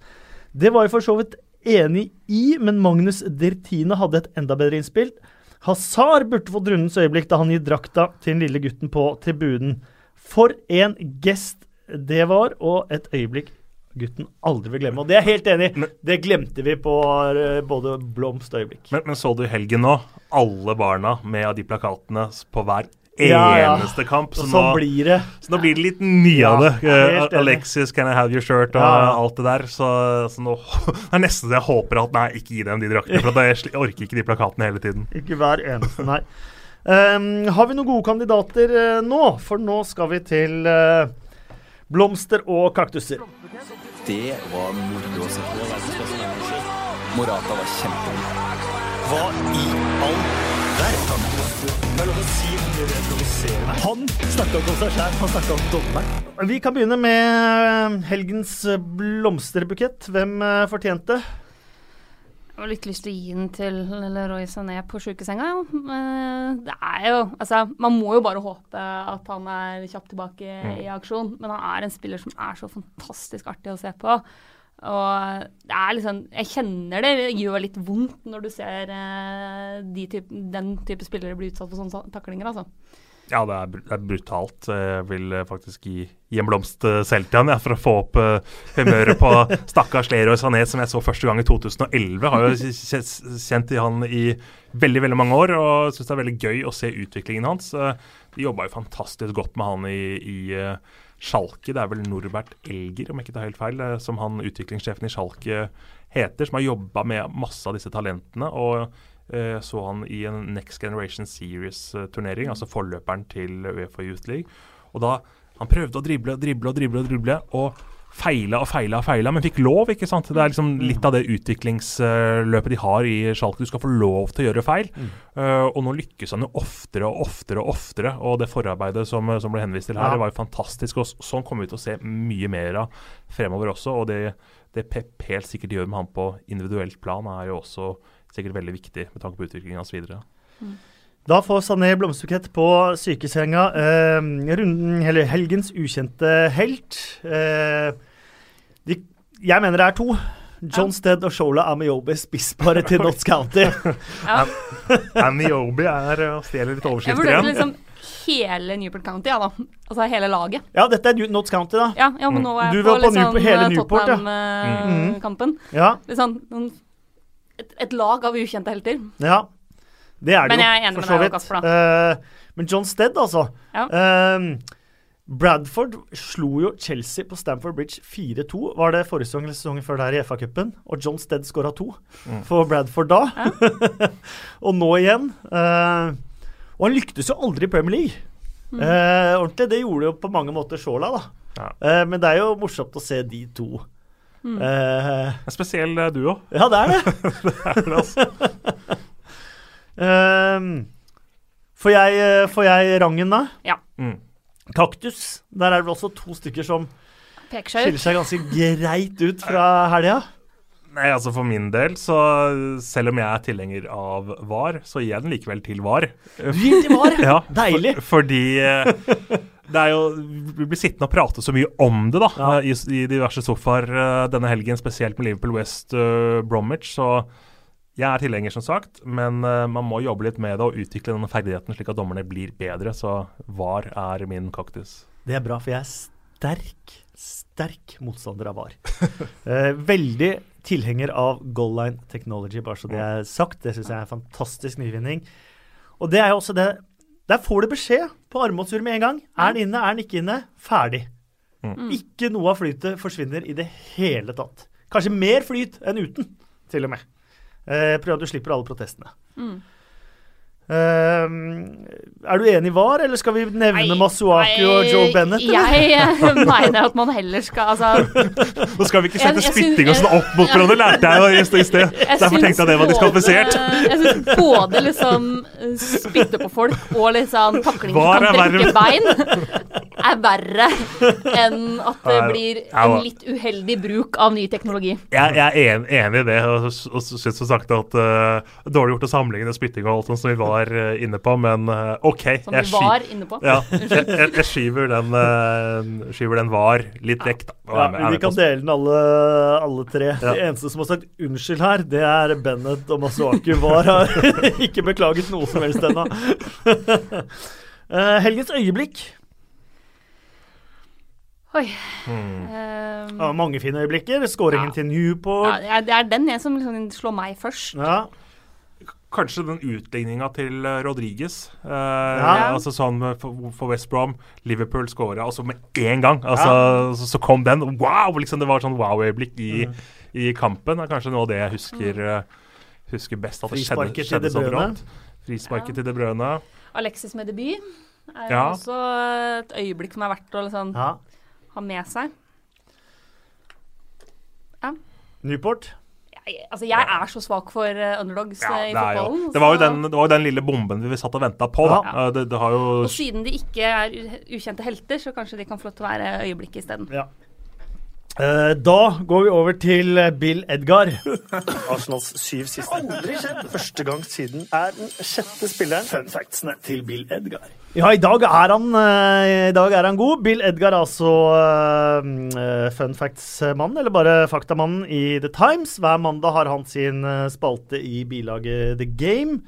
Eh, hvor han eh, kom med sine betraktninger og, og det han har oppdaget. Og han har jo en spesiell eh, hjerne, og det er en eh, veldig deilig hjerne, det. Eh, så han har et par fine i dag. Eh, vi kan begynne da på Anfield, da. For det er første gangen Liverpool har ledet på Anfield, men blitt liggende under før 20 minutter spilt. Siden Kevin Keegan, som er fra Doncaster, skåret mot Doncaster, men slapp inn to for 44 år siden. um, så er det første gang i historien at Manchester City har slått ut tre andre Cityer i eh, hjemlig cup i samme sesong. De har slått ut Leicester City, Bristol City og Cardiff City. Uh, og fra samme kamp så fikk altså Manchester City frispark laget av nummer åtte Joe Rolls på nummer åtte Gundogan, så det ble skåret mål i det åttende minutt med åtte spillere i muren. Oi, oi, oi. ja, ja. Men her, nå kommer den beste, skjønner du.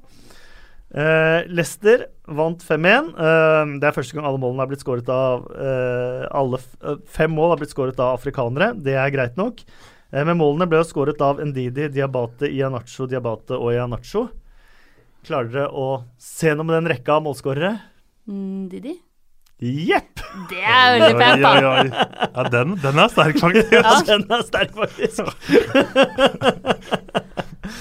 Ndidi. Det er helt, uh, helt korrekt. Jeg er Litt kledd for å ta den veldig kjapt, da. Ja, det det- det syns jeg du tok utrolig kjapt, Ja. faktisk. Men du vet, altså, jeg er jo egentlig språkviter. Så, Ja. så noen sånne type ting får man håpe at uh, Ja, det var imponerende. Du får invitere. Bill Edgar på, på kaffe neste gang det er over. Det skal i hvert fall jeg, hvis jeg har muligheten. Eh, vi tar et par kjappe spørsmål uh, til, eh, til slutt. Før vi kommer til fem kjappe spørsmål, eh, så må vi si at vi er på Twitter. Uh, to PL-pod heter vi der. Eh, på iTunes kan du legge inn eh, kommentar og eh, stjerne. Eh, det setter vi alltid eh, pris på. Uh, og Felix eh, har laget denne episoden eh, for moderne media som eh, vanlig. Og det blir eh, første spørsmålet. Hvilket lag holder Felix med? uh, Han holder selvfølgelig med Everton. Jeg sier Tottenham. Hva er fasit, Felix? ingenting. Nettopp! Oi! Da kan jeg anbefale Stolp Felix hvis du er på jakt etter et lag. og produserer disse episodene, og det er egentlig ikke helt favorittema. um, hvem vinner FA-cupen? Jeg tror at City Ja, kommer til å si å bli veldig sterke i uh, Liacupen, ligaen og FA-cupen. Og så er det Champions League som fremdeles kanskje ikke er helt sementert for deres del, men jeg tror de kommer til å ta alt ja, i England. Ja, Det ser sånn ut. Ja. Hvor mange kampers karantene burde Masuaku fått, og hvor mange på Bennett? Masuaku ja. endte med seks kamper. Bennett med tre, vel? Jeg vet ikke hva det Nei, Bennett får ingenting, han. Nei, for Nei, han fordi ikke dommeren så det Han får det røde, men, øh, men får ikke noe mer enn det. mm. Så han får den ene. ja, Da er det jo ikke så relevant å sammenligne med det. Nei, hvor mange burde de hatt hver? Um, Vi skal ikke sammenligne det, men jeg syns det er feil at man får mer for å spytte på folk enn å nesten brekke beina deres. Jeg syns det. Ja Jeg, vet ikke helt, jeg. Fordi eh, Bennett prøver jo ikke å tenke foten til eh, Sané. Han prøver å stoppe han, eh, og det blir veldig stygt. Og det ser enda styggere ut når vi tar sakte film og låser bildet, eller tar stillbilde og sånne ting.